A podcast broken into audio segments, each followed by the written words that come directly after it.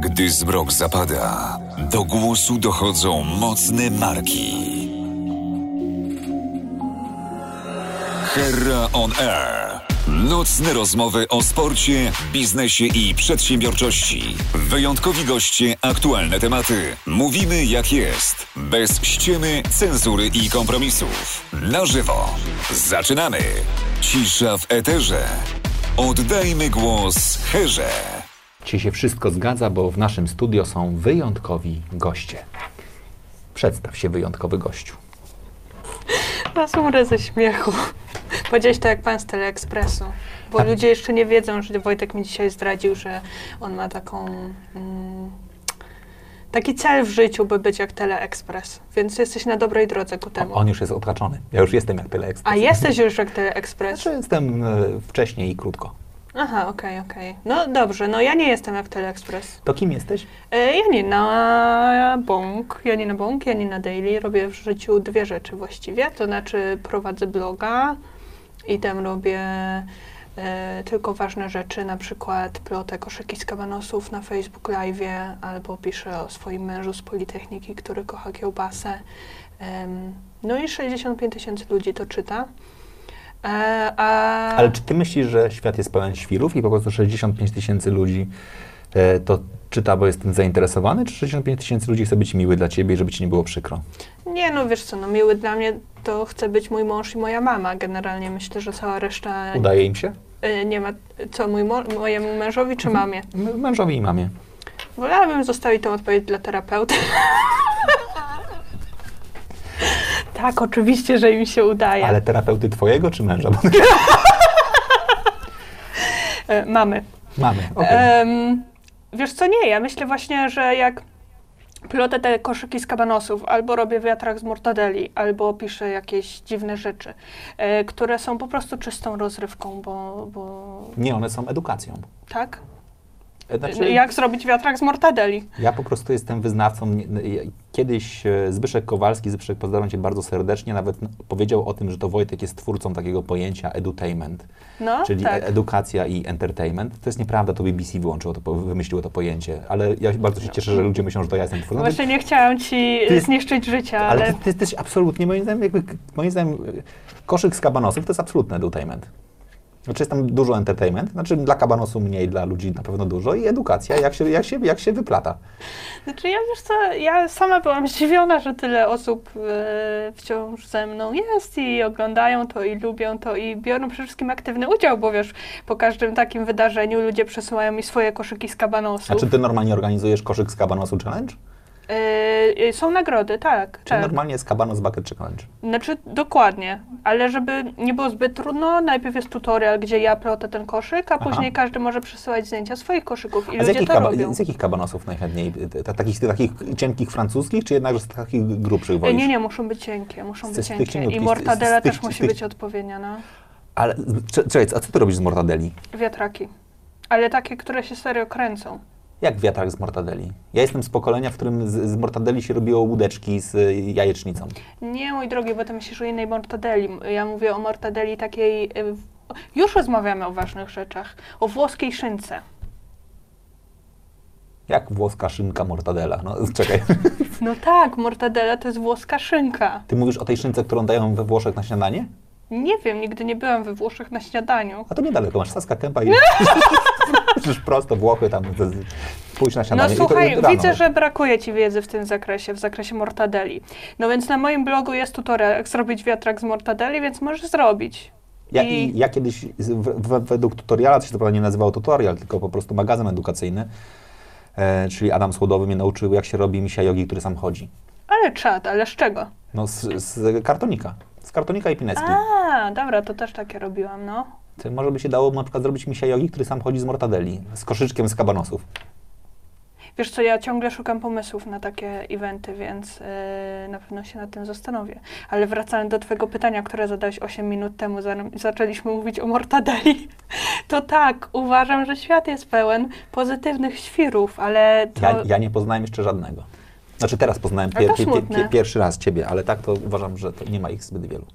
Znaczy, zastanawiam się, czy mamy taką samą definicję, bo mnie bardzo cieszy to, że jest tyle osób, które em, właśnie wiedzą, że nie zawsze muszą być tak 100% na poważnie, że czasem mogą odpuścić, że czasem mogą się pośmiać sami z siebie, e, że czasem mogą e, no, pobawić się i zrobić ten koszyk z kabanosów, albo nawet go nie zrobić, ale oglądać jak jakaś laska nie wiadomo czemu przez 50 minut plecie te kabanosy.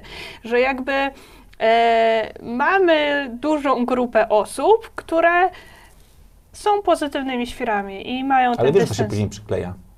W sensie? Ja dzisiaj na przykład miałem, ponieważ oprócz tego, że jestem jak Lektos i mam 21.12, mam jeszcze jeden program 13.10 Mhm.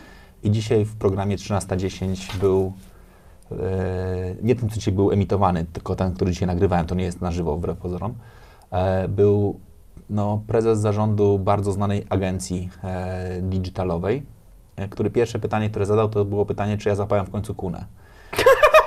A złapałeś? No złapałem, bo ja kiedyś faktycznie miałem taką historię, że kuna zamieszkała mnie na dachu, ja ją transmitowałem, jak poluje na kunę. E, A, ty jesteś mój człowiek. A, a Ale jakby wie- były upały, to trzeba byłoby tam zainstalować wiatrak z mortadeli, żeby jej nie było za ciepło. Ca- cała idea polegała na tym, że ja chciałem kunę, bo ja mieszkam po prawej stronie Wisły, zresztą wiemy, bo tutaj jesteśmy, znaczy nie jesteśmy w miejscu, w którym mieszkam, ale mieszkam po tej samej stronie Wisły.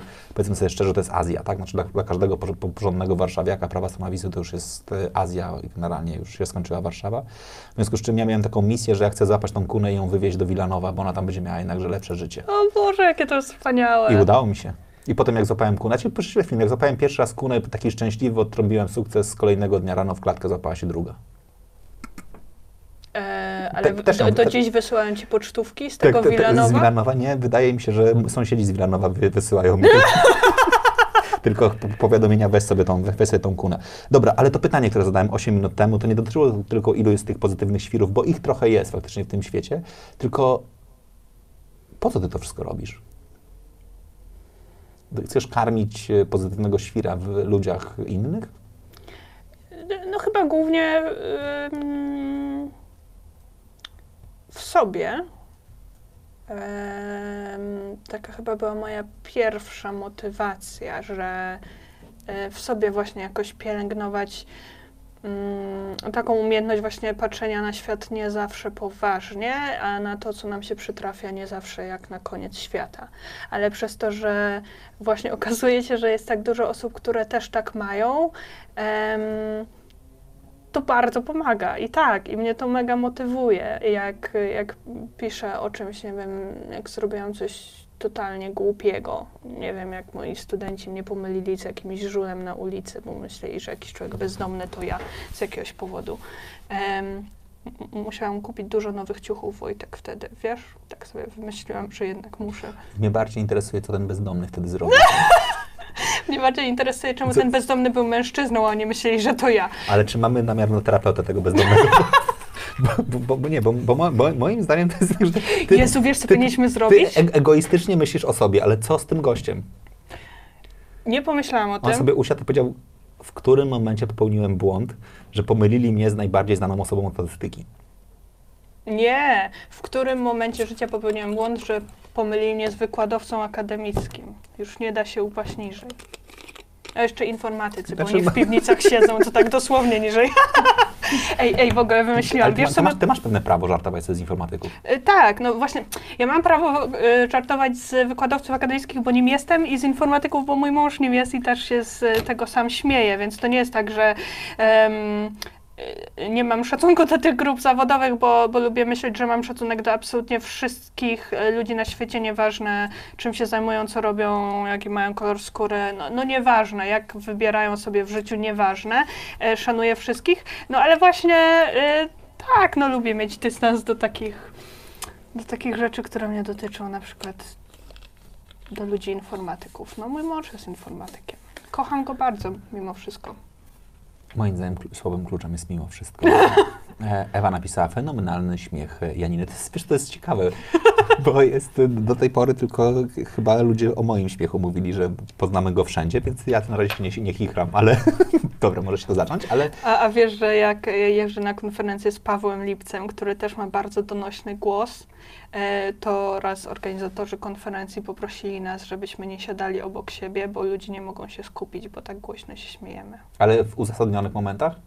Znaczy, czy, Zawsze. czy pozostała część sali się też wtedy śmieje, czy patrzą na was Znaczy, mówią, to, to, to, mnie bawi dużo rzeczy śmieszne. w życiu. No, to, to Ale ja- ja uważam, że każdy śmiech jest uzasadniony, no, jak- bo to jest takie miłe uczucie. Okej, to do tego wrócimy. Kiedy to się u ciebie zaczęło? Co? No ten moment, kiedy A usi- pytasz jak mój psychoterapeuta. u- usiadłaś, spojrzałaś na kabanos i powiedziałaś, dziś go nie zjem, zrobię koszyk. Yy, wiesz co, to było bardzo dziwne, bo ja sobie yy, wymyśliłam pewnego dnia, że zaczęło się od pierwszego tutorialu, jak zrobić sobie chłopaka z kartonu. I jak ja po mleku, Czekaj, jak sobie z- zrobić chłopaka z kartonu? po mleku, no jak wejdziesz sobie na YouTube'a, to zobaczysz. Ale, że tak powiem, po co ci... Czekaj, przepraszam, bo mi się tutaj właśnie pok- pokazało, że mi się rozładowuje telefon, więc wydaje mi się, że muszę zejść pod stół. No i to jest moje życie właśnie, nie?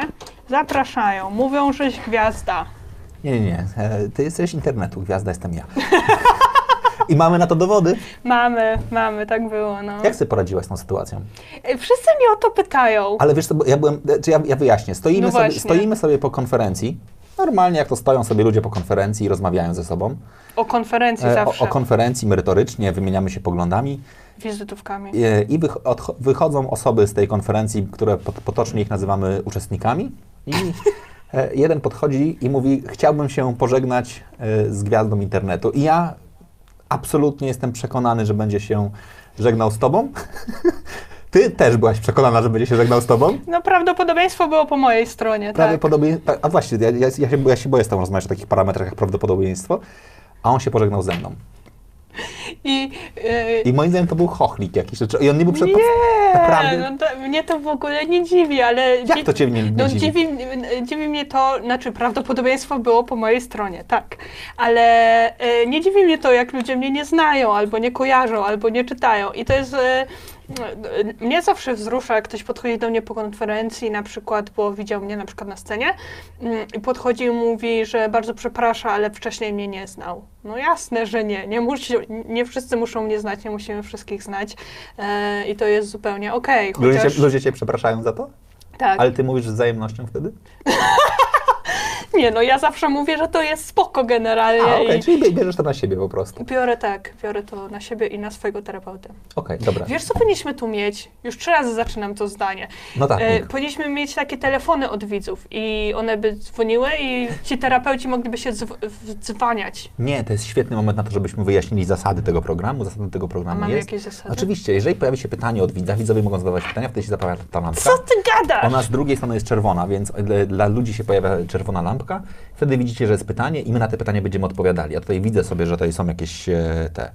e, Muszę tylko znaleźć, gdzie, gdzie są te wszystkie e, programy się pojawiają. Ja tutaj widzę w, w jednym miejscu, tu będę widział w drugim miejscu i będziemy mogli sobie spokojnie. E, o, tu. E, Lech, o, tu jest drugie miejsce. 141 osób nas ogląda. Jezus Maria. Dobry wieczór. Kuna Gate piszą ludzie. Kuna Gate. E, Ej, a ja mam teraz pytanie do ciebie, bo ty Do mnie. powiedziałeś, że to już, tak, bo powiedziałeś, że to już zostaje z człowiekiem, nie? Ta, ta kuna i ten, przeszkadza ci to? nie, No właśnie, mnie też nie. Nie, a, a ja uwielbiam historię, jak ludzie mi przypominają na przykład filmik, jak... e, Ja ci wyślę ten film, bo to było, to było piękne, jak ja chciałem nagrać filmik o kunie z moim małym synem Maxem, e, w którym razem pokazywaliśmy, jak będziemy pi, e, polować na kuny.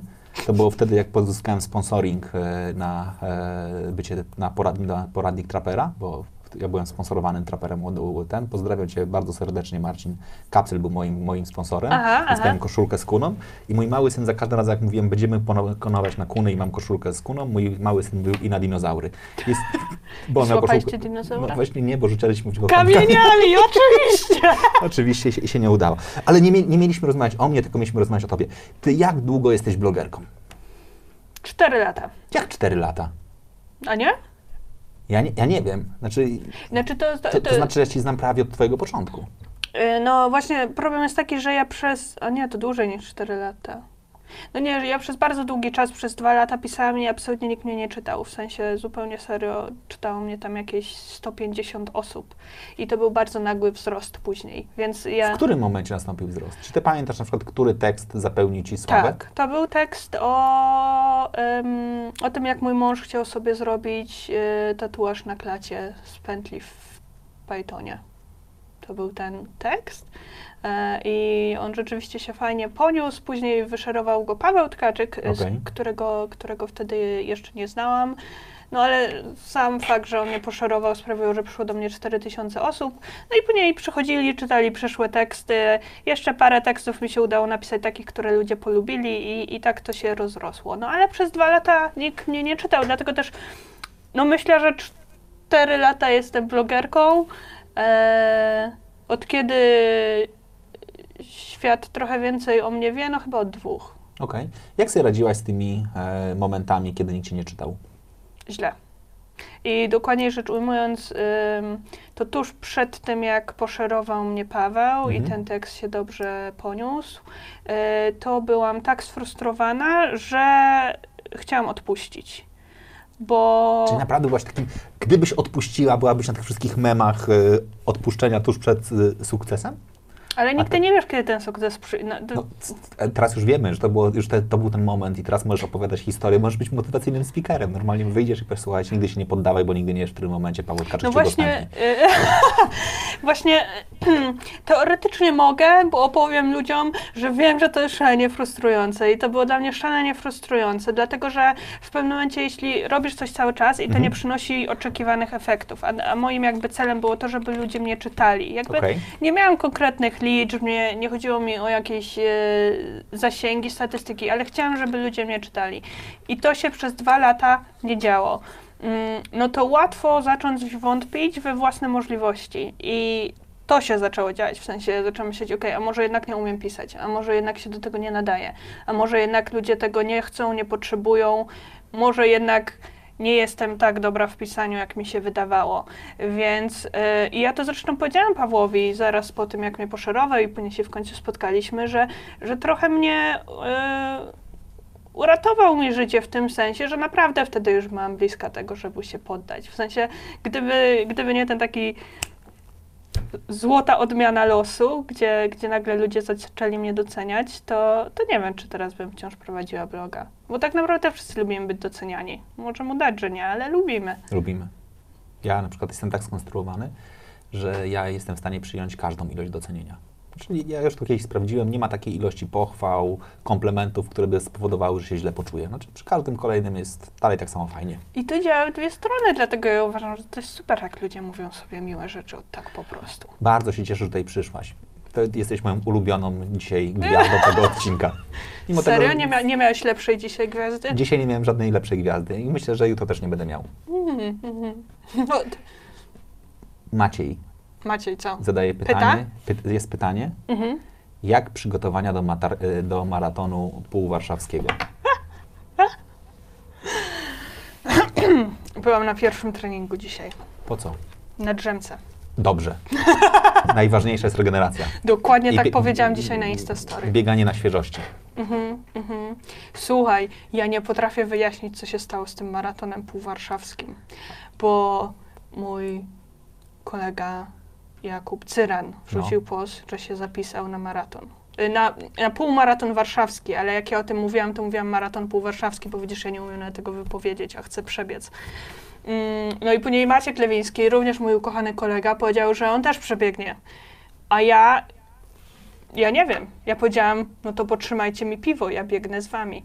I jak następnego dnia się obudziłam i zobaczyłam na mailu, że kupiłam sobie ten numer startowy na ten maraton półwarszawski, to przysięgam ci, że czułam się tak, jakby, no jakby poniósł mnie niezły melanż i oto były skutki, że po pijaku się zapisałam na ten maraton, tylko że ja od no, ponad pół roku nie piję, więc jakby nie Mm. potrafię tego wyjaśnić, ale wtedy wydawało mi się to genialnym pomysłem. Dzień później nie wydawało mi się to genialnym pomysłem. No niemniej razem z chłopakami to my damy radę. Dzisiaj Kuba Cynan poszedł pobiegać, Maciek Lewiński poszedł na siłownię, a ja poszłam na drzemkę. Czyli ja jestem odpowiedzialna wy, za regenerację. Wy możecie w triatlonie nawet startować, moim zdaniem, jak macie tak, tak dobrze rozłożone te role. I jeśli częścią triatlonu jest regeneracja, tak, Najważniejszą. to mamy to. Ja się znam na, ja się znam na sporcie bardzo dobrze. Ale wiesz co, ja to zrobię. Ale y, też ja, ja ci, y, znaczy zupełnie poważnie, bo i teraz absolutnie bez żartu, bo z przyjacielem Adamem, Adam pozdrawiam Cię bardzo serdecznie, myśmy miesiąc temu przebiegli e, półmaraton warszawski. My jesteśmy, ponieważ ja w w ogóle faktycznie jestem w takiej kulturze surferskiej, w związku z tym ja bardzo mocno wierzę w całą filozofię no waste. I w sporcie no waste jest też bardzo ważne. Znaczy, skoro limit czasu podawany przez organizatorów jest 3.30, to nie można go zmarnować. To Znaczy, ka- jest 3, 3 dni 30 godzin. tak, każda, wyko- każda zamówiona minuta musi być spożytkowana, w związku z czym myśmy przebiegli półmaraton w no, 3 godziny 29 minut. No jak ja to szanuję. A I proponujemy Ci pobiegnięcie według naszego planu treningowego w przyszłym roku. To plan treningowy jest bardzo prosty, my się opiera o regenerację, bo najważniejsze jest to, żeby być wypoczętym. no to gratuluję Ci wyniki Q329. E, W przyszłym roku ktoś Ci będzie deptał po piętach, dosłownie.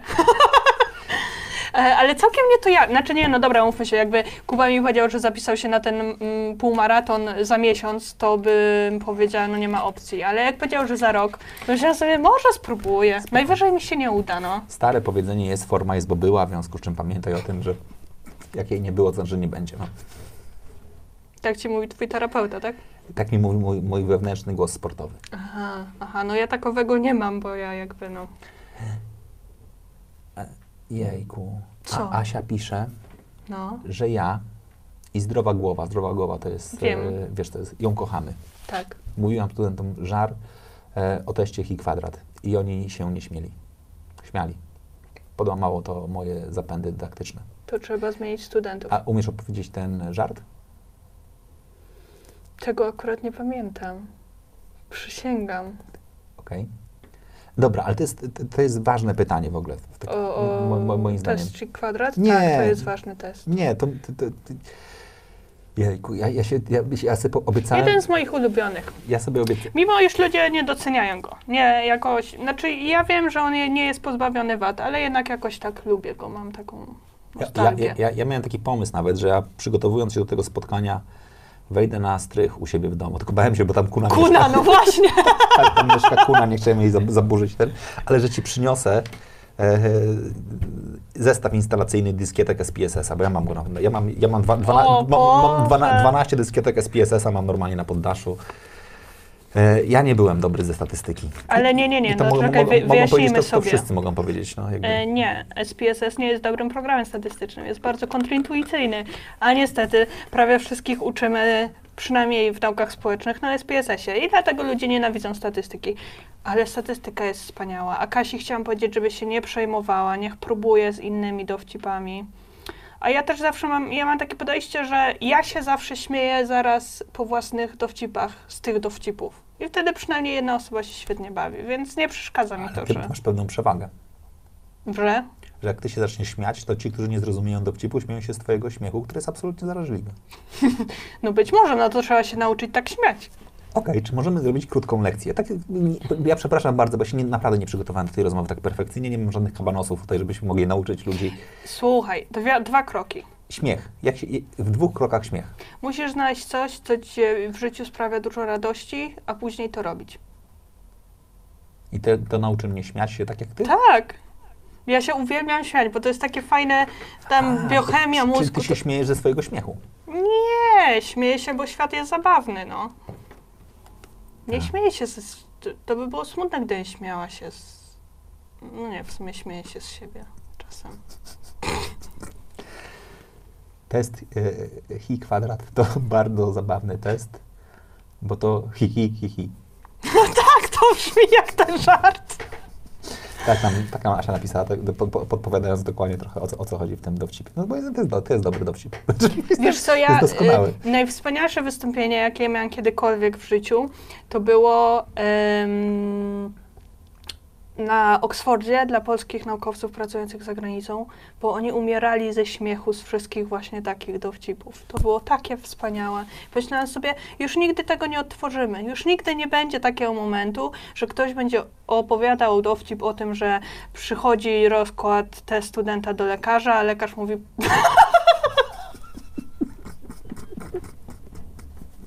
Jeszcze raz. Już nigdy nie będziemy mieć takiego momentu, że będziemy mieć na jednej sali ludzi i ktoś powie żart, że przychodzi rozkład te studenta do lekarza, lekarz mówi, ale proszę mi się to rozłożyć normalnie. Czy to są przerwy? Nie, nie, ma, nie ma przerw. E, Maciej pisał, e, kto tu przyjechał? Pan Skarpetka. Tak napisał. Co to przyjechał pan Skarpetka? To jest taki twój taki, taki, taki komunikat z Maciejem? Nie, i teraz zastanawiam się, czy on nie próbuje mi powiedzieć, że jestem w niebezpieczeństwie. Myślisz, że to jest taki, taki ten? No, no są takie tajne hasła, Masz nie? takie tajne, tajne hasło z Maciejem? Nie, nie, nie, A jak ten Maciej ma... No, Czek... no, no Lewiński, jak, ja- jaki, no. A, Lewiński! Dobra, no to może Lewiński. Ale ja nie mogę bez RODO. Dobra. To, że on to napisał, to nie znaczy, że ja mogę o tym głośno mówić, bo później on na przykład powie, a, a, a wiesz, że Maciej się zna na RODO, nie? Tak, I to może on być... się na wszystkim zna. On się zna na wszystkim, e, tak jak ty. Ja też, ja, ja się znam na wszystkim, bo jestem żoną, więc ja wiem wszystko na każdy temat. Em, No a mój mąż to nawet twierdzi, że wiem wszystko zawsze najlepiej. Co jest wspaniałym komplementem. To on naprawdę jest życzliwy. Mój mąż? Tak. Mój mąż to jest człowiek pluszak. Przysięgam ci, że ja myślę, że producenci zabawek będą kiedyś szyć pluszaki na jego wzór. On jest taki kochany. A czy możesz jakby napisać brief, jak, z czego się powinien składać człowiek e, pluszak? Jest bardzo dobrym człowiekiem jako taki. Dobrym człowiekiem jak wyrozumiałym dla innych ludzi, wyrozumiałym dla mnie, szalenie wspierającym. Chodzi za mną cały czas i mówi, jaki jest ze mnie dumny. Nieważne, czy uda mi się jakaś mała rzecz, czy duża rzecz, więc jest po prostu. Mm, no trochę tak. Taka życiowa poduszka. Wiem, że nic mi się nie stanie, jak będzie obok. Ale to jest cudowne. Serio, no. On, e, Nic, nic mi się tak nie udało w życiu jak ten mąż. on normalnie napisał e, znak e, mniejszości i trójka. Mój mąż? Czy inny jakiś? Nie, nie, nie wiem, jakiś Wojtek. O, Nawet dostaje, dostaje już, już, już trzy serduszka dostał za, za ten komentarz. patrz. Jaka incepcja serduszek. Od, Nie no, mój mąż jest przede wszystkim bardzo y, y, dobrym człowiekiem, jest bardzo wspierający i szczerze mówiąc, gdyby nie on, to pewnie bym się poddała z tym blogiem znacznie szybciej e, i być może nie dotrwała do tego momentu, kiedy to zaczęło działać. No i gdyby nie on, to pewnie trudniej by mi było w takich momentach, kiedy Wiesz co, ludzie w internecie nie zawsze są mili. Tak Nie. powiem. No, są. A, a miałaś jakieś niemiłe historie? Naprawdę? tak. Ale ktoś na przykład nie zrozumiał twojej historii albo ci coś napisał niemiłego? To się zdarza notorycznie, ale to mi nie przeszkadza, bo jakby Bo masz męża pluszaka. po pierwsze mam męża pluszaka, po drugie jak ktoś nie czai sarkazmu, no to po prostu nie czai sarkazmu. Eee, no i trudno, i nie musi. Nie musi się też każdemu podobać mój tekst. Choć ja uważam, że wystarczy napisać, nie podoba mi się twój tekst, albo scrollować dalej, a nie trzeba nikogo obrażać. No ale nie mam na to wpływu. E, Wiesz co, głównie wtedy, kiedy pojawił się mój tekst e, na portalu zewnętrznym, na gazecie.pl, to wtedy te komentarze mnie zabiły. To były tak negatywne, tak personalne, tak hejterskie komentarze. I one były niepotrzebne. Znaczy jakby, jeśli nie podobał Ci się ten tekst, napisz nie podoba mi się ten tekst, albo nic nie pisz. Ale mm, to był pierwszy raz, kiedy się tym, z, tym zmierzyłam. Od tamtego momentu nie czytam komentarzy na swój temat na portalach zewnętrznych. Więc to od razu mówię ludziom, jak ktoś chce się wyprodukować pod jakimś wywiadem ze mną albo moim artykułem, który pojawi się gdzieś w sieci, ja nawet tego nie czytam, bo jakby... A dużo piszesz na zewnątrz? Eee, nie. Nie. Prakty- teraz już praktycznie w ogóle nie piszę na zewnątrz, czasem tylko Czyli pojawiam się na zewnątrz, bo jest jakiś wywiad na przykład z, z moją osobą. Okej, a o co pytają najczęściej twoją osobę?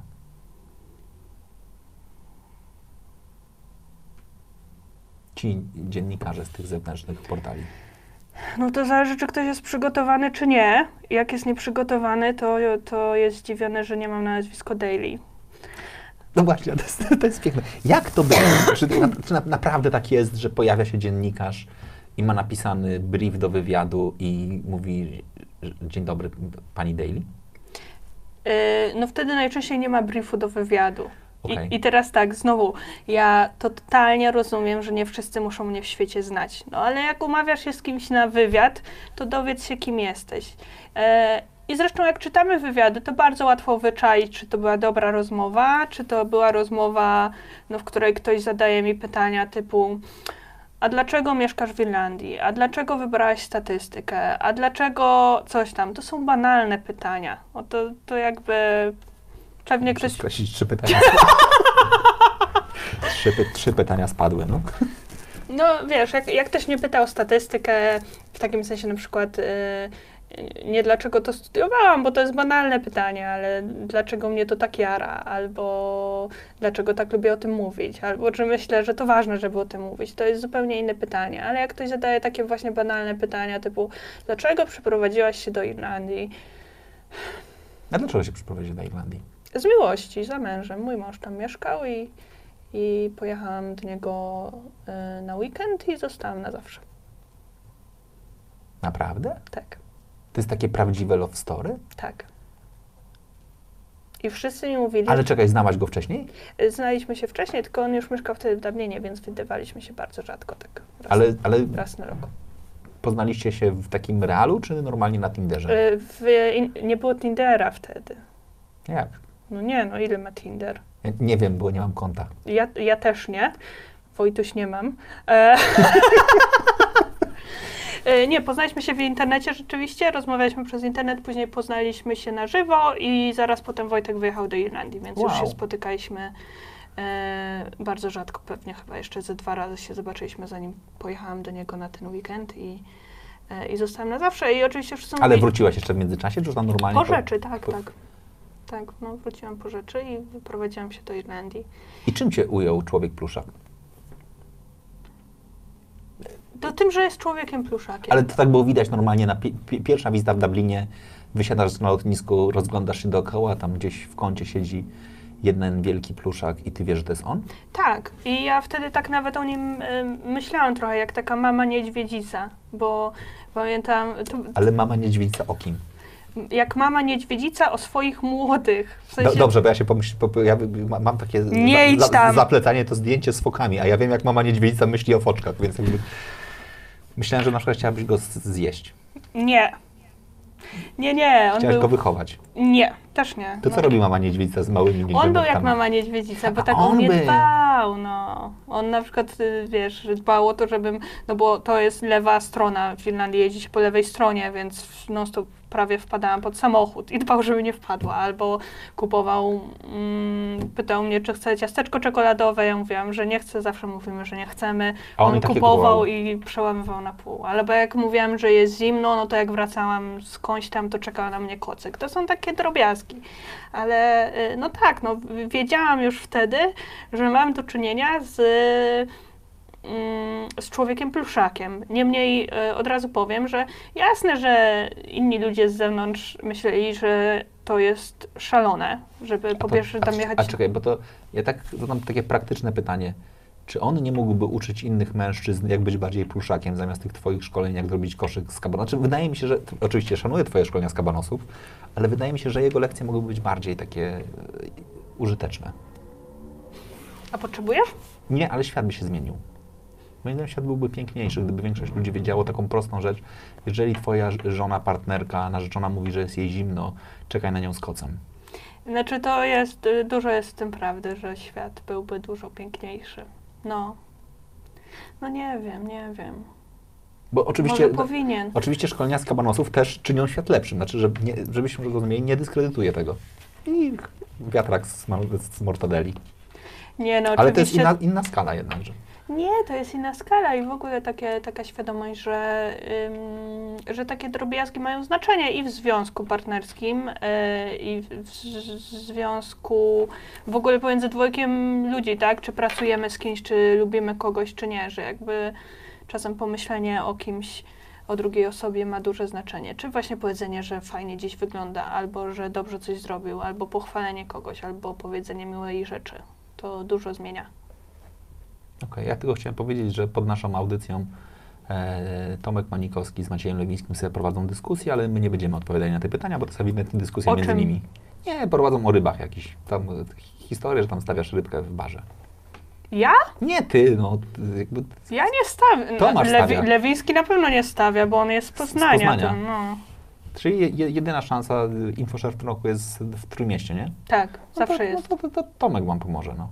Aha, czyli. Bo on jest lokalesem, to on będzie wiedział, A gdzie jest, dobra, on, nie, no to- on będzie wiedział, gdzie jest najlepsza ryba na oleju w miarę świeżym, a nie tym z zeszłego sezonu. Ale to powiedzmy to głośno, że Tomasz Manikowski właśnie zobowiązał się w komentarzach, że wszystkim uczestnikom InfoShare'a kupi rybę. E, smażoną. Smażoną. Nie, bo żeby, żeby już nie było później Ale ziemniakami. Nie, no tak. Nie, bo później na przykład kupili na przykład, nie wiem, w puszce No nie, masz i, rację. i będzie, Y, będzie, Smażoną. będzie no. słabo Mhm, na, mhm. na after To mamy to. Mamy to, Tomku, Nie ma za co. załatwiliśmy. Załatwiliśmy. Jest hashtag lepszy świat. Tomek właśnie wrzucił nam y, hashtag lepszy świat. O, To myślę, że będziemy tutaj faktycznie go y, rozwijali. Dobra, przyjeżdżasz do Dublina. no.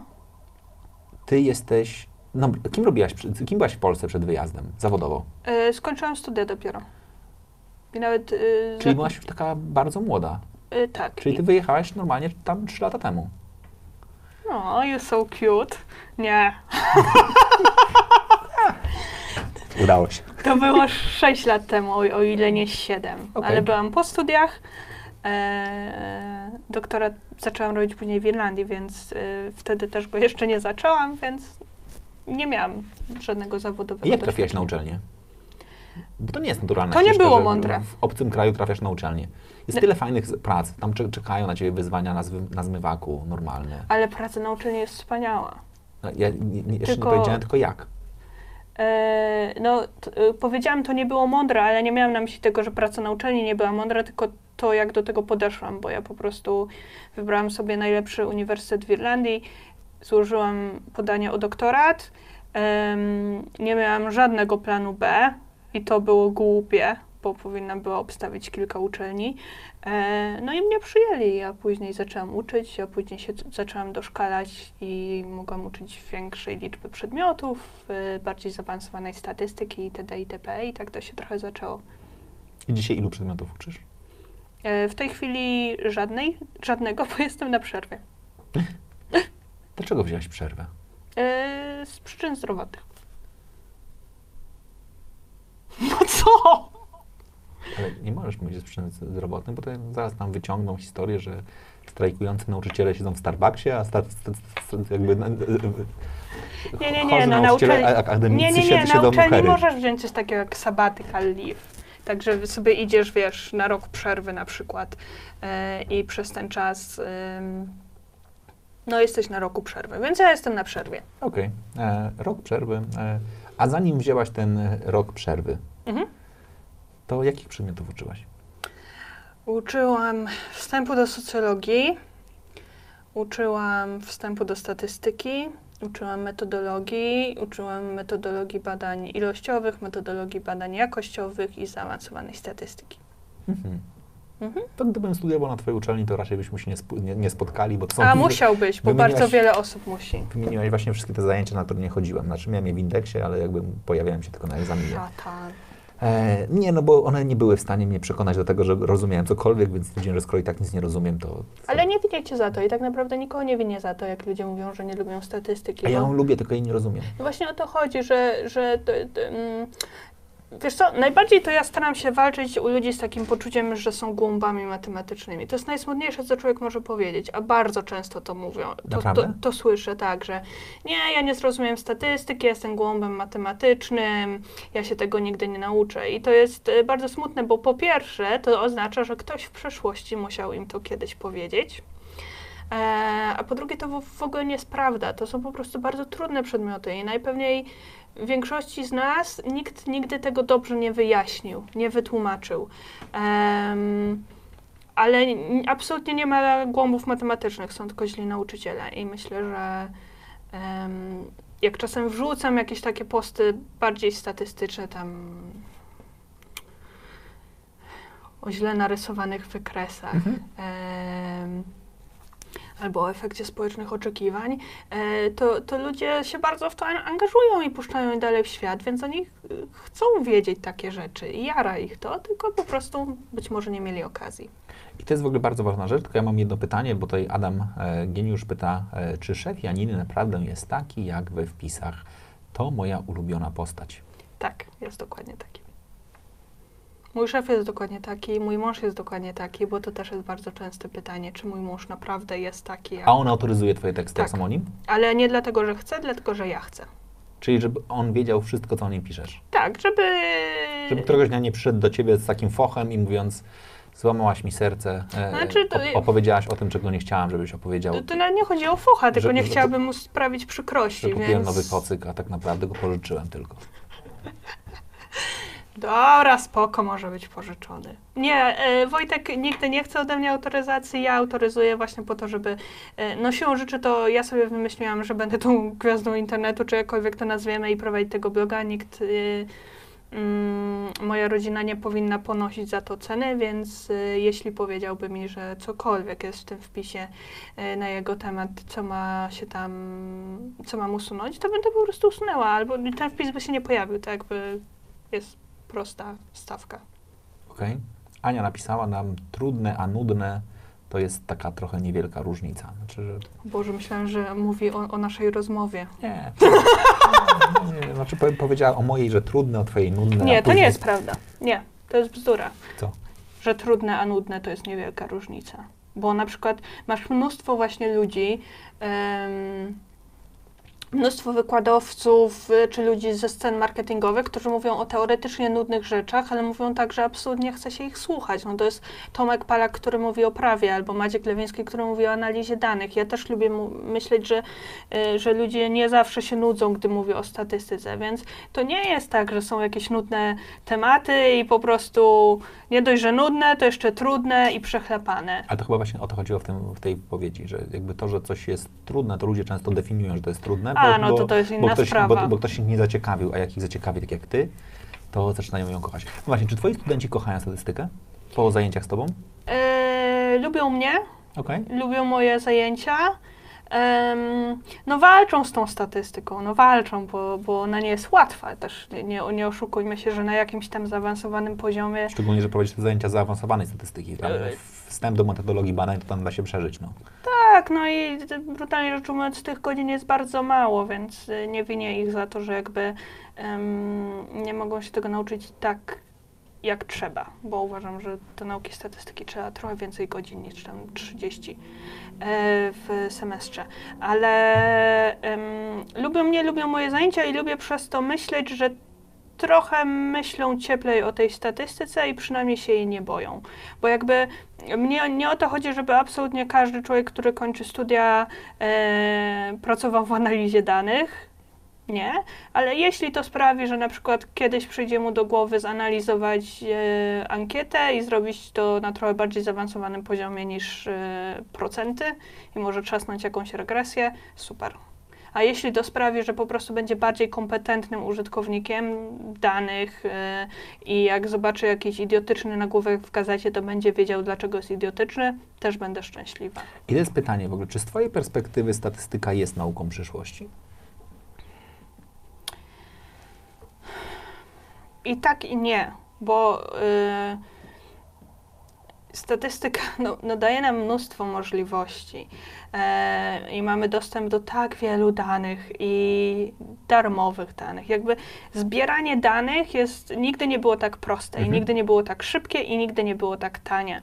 Tylko ja tak westchnęłam na początek, bo łatwo wpaść w taką pułapkę, wiesz, w sensie, że mamy dane, teraz wystarczy cokolwiek z nich zrobić, podjąć jakieś decyzje, nie wiem, biznesowe na ich, e, na tej podstawie i będziemy w domu. No nie. Tak naprawdę dobra analiza danych wymaga dobrej jakości danych, dobrej analizy, ale to zaakcentowałam, nie? No. Jak na podchalu.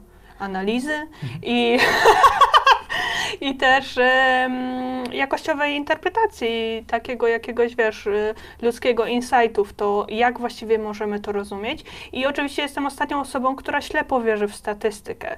Wręcz uważam, że jest na odwrót. Im lepiej znamy statystykę, tym bardziej wiemy, jakie są ograniczenia.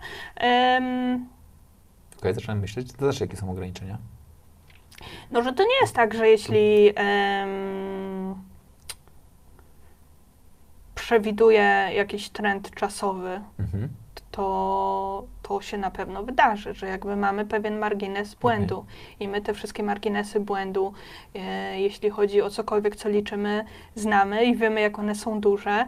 E, wiemy też, e, że na przykład modelowanie regresyjne też jest obarczone błędem, no bo musimy wybrać jakieś zmienne, które do tego modelu wsadzimy, więc jakby ja nie myślę, że statystyka jest bezkrytyczna. Ja myślę, że w momencie, kiedy zaczniemy bezkrytycznie podchodzić do danych, to zaczniemy mieć kłopoty. A krytyczne myślenie?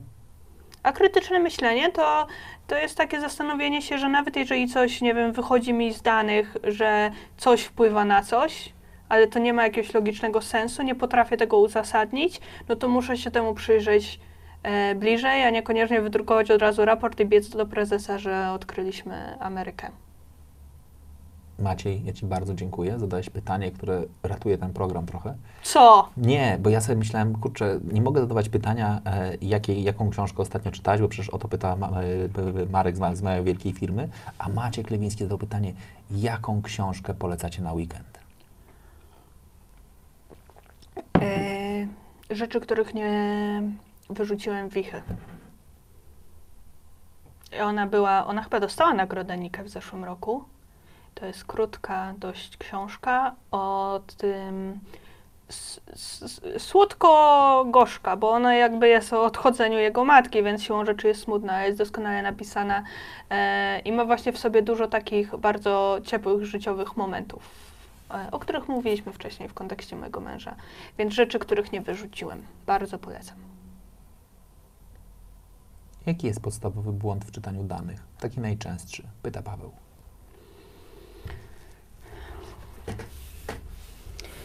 Wiesz co? Y, To zależy, czy mówimy o mm, analitykach, czy o ludziach. A, bo ja dzisiaj byłam na spotkaniu i tam ktoś powiedział w pewnym momencie, A że. opowiesz mi, czy, na jakim byłeś spotkaniu? Tak, ale zanim cię, ale to, to, to, to czekaj jedno pytanie.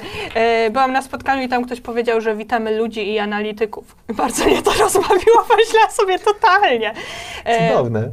E, Jeśli chodzi o ludzi, no to niestety mamy taką tendencję do tego, że e, zbyt poważnie traktujemy dowody anegdotyczne i rzeczy, które przytrafiły się nam jako dowody tego, że istnieje jakaś zależność albo Opowiedz co, to jest, opowiedz, co to jest dowód anegdotyczny, bo to jest moim zdaniem coś, co warto przypominać za każdym No, razem. dowód anegdotyczny polega na tym, że mm,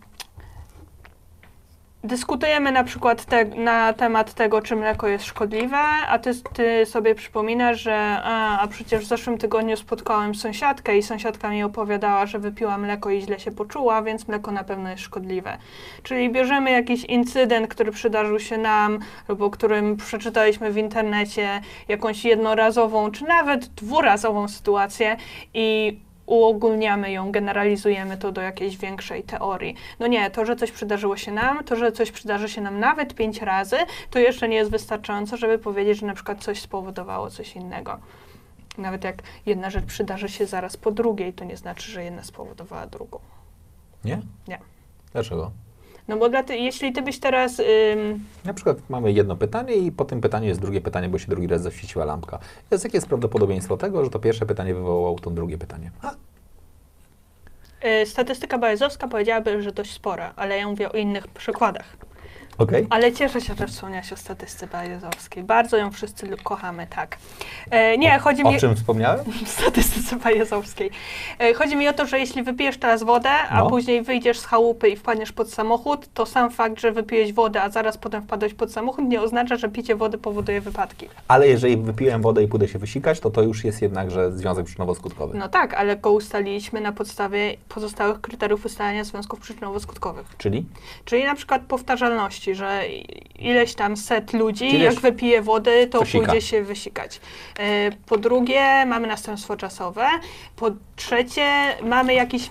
Czekaj, ale nie mamy badań, ile osób, które zginęły w wypadku samochodowym, piły wcześniej wodę. A skąd wiesz, że nie mamy? A mamy? Mamy badania na każdy temat. Wiesz, że mamy nawet badania o tym, y, że jaki jest związek pomiędzy średnią wielkością penisa w danym kraju, a jego rozwojem gospodarczym?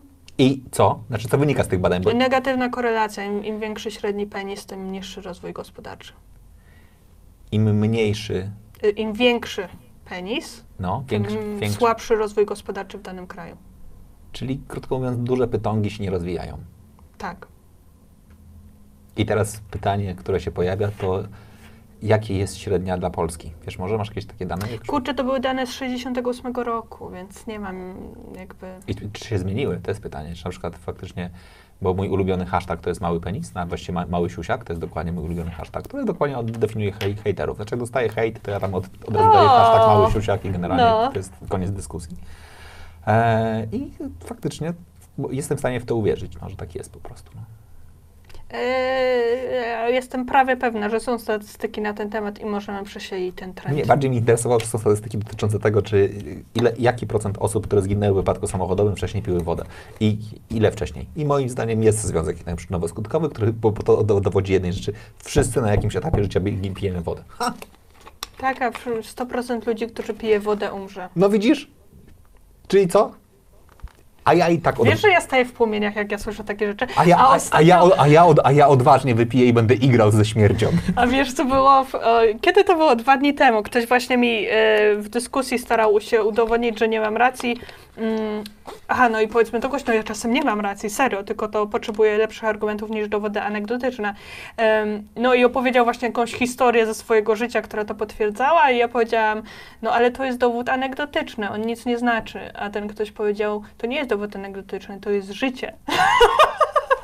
Tada! No i nie ma dyskusji, no. No to jest ma. życie. No i co? No i co? Co, Co zrobisz? Nic nie co zrobisz. zrobisz? Nic nie zrobisz. Dobra, jest bardzo ważne pytanie. To jest takie pytanie, które moim zdaniem jest najważniejszym pytaniem dzisiejszego dnia. No. Co z fokami w Polsce?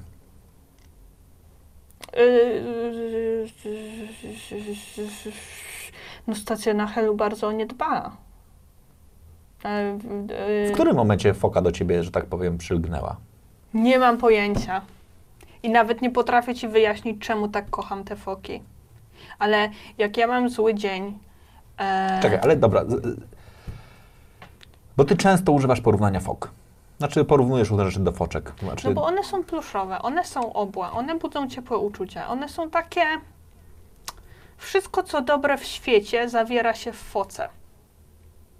I one są takie niewinne, w sensie. Nie, nie, nie, nie słyszałeś historii, żebyś pożyczył jakiejś foce piątaka, ona ci nie oddała, nie? A? Nigdy. No właśnie. Czyli nawet dowodów anegdotycznych nie mamy, że one są wredne. Eee, To prawda. one, no nie wiem, no, one są tak obłe i są tak absurdalnie obłe i tak absurdalnie chodzą na tym brzuchu, że ja, ja. Czekaj, ty, czy ty mówisz o pełzaniu, chodząc, chod- chodzenie na brzuchu? Tak, Okej, nie no spoko. one nie pełzają. Nie, one chodzą na brzuchu. Nie, one nie pełzają, bo pełzanie to się nie odrywasz od ziemi, a one tak skaczą. Czyli chodzą na brzuchu. Czyli chodzą na brzuchu. Oczywiście, że tak. A czasem nawet biegają na brzuchu, Okej. jak się śpieszą. Jak się śpieszy, na przykład w maratonie, znaczy półmaratonie. Tak, tak, tak, tak, dokładnie. I- Albo żeby oddać komuś piątaka. A ten ktoś może biec się w półmaratonie, one muszą sobie, muszę zdążyć, no bo 3.30 i... Ale go- ty go mnie go przestań nie jarać, bo ja teraz w tym półmaratonie będę wyczekiwać tych fok. Ja ci obiecuję, Jak że... kiedyś tak- głaskałam fokę, wiesz? Jak to głaskałaś? One są takie miękkie. Ale suchą? Czy w sensie w wodzie, czy na Suchą. lądzie? Suchą.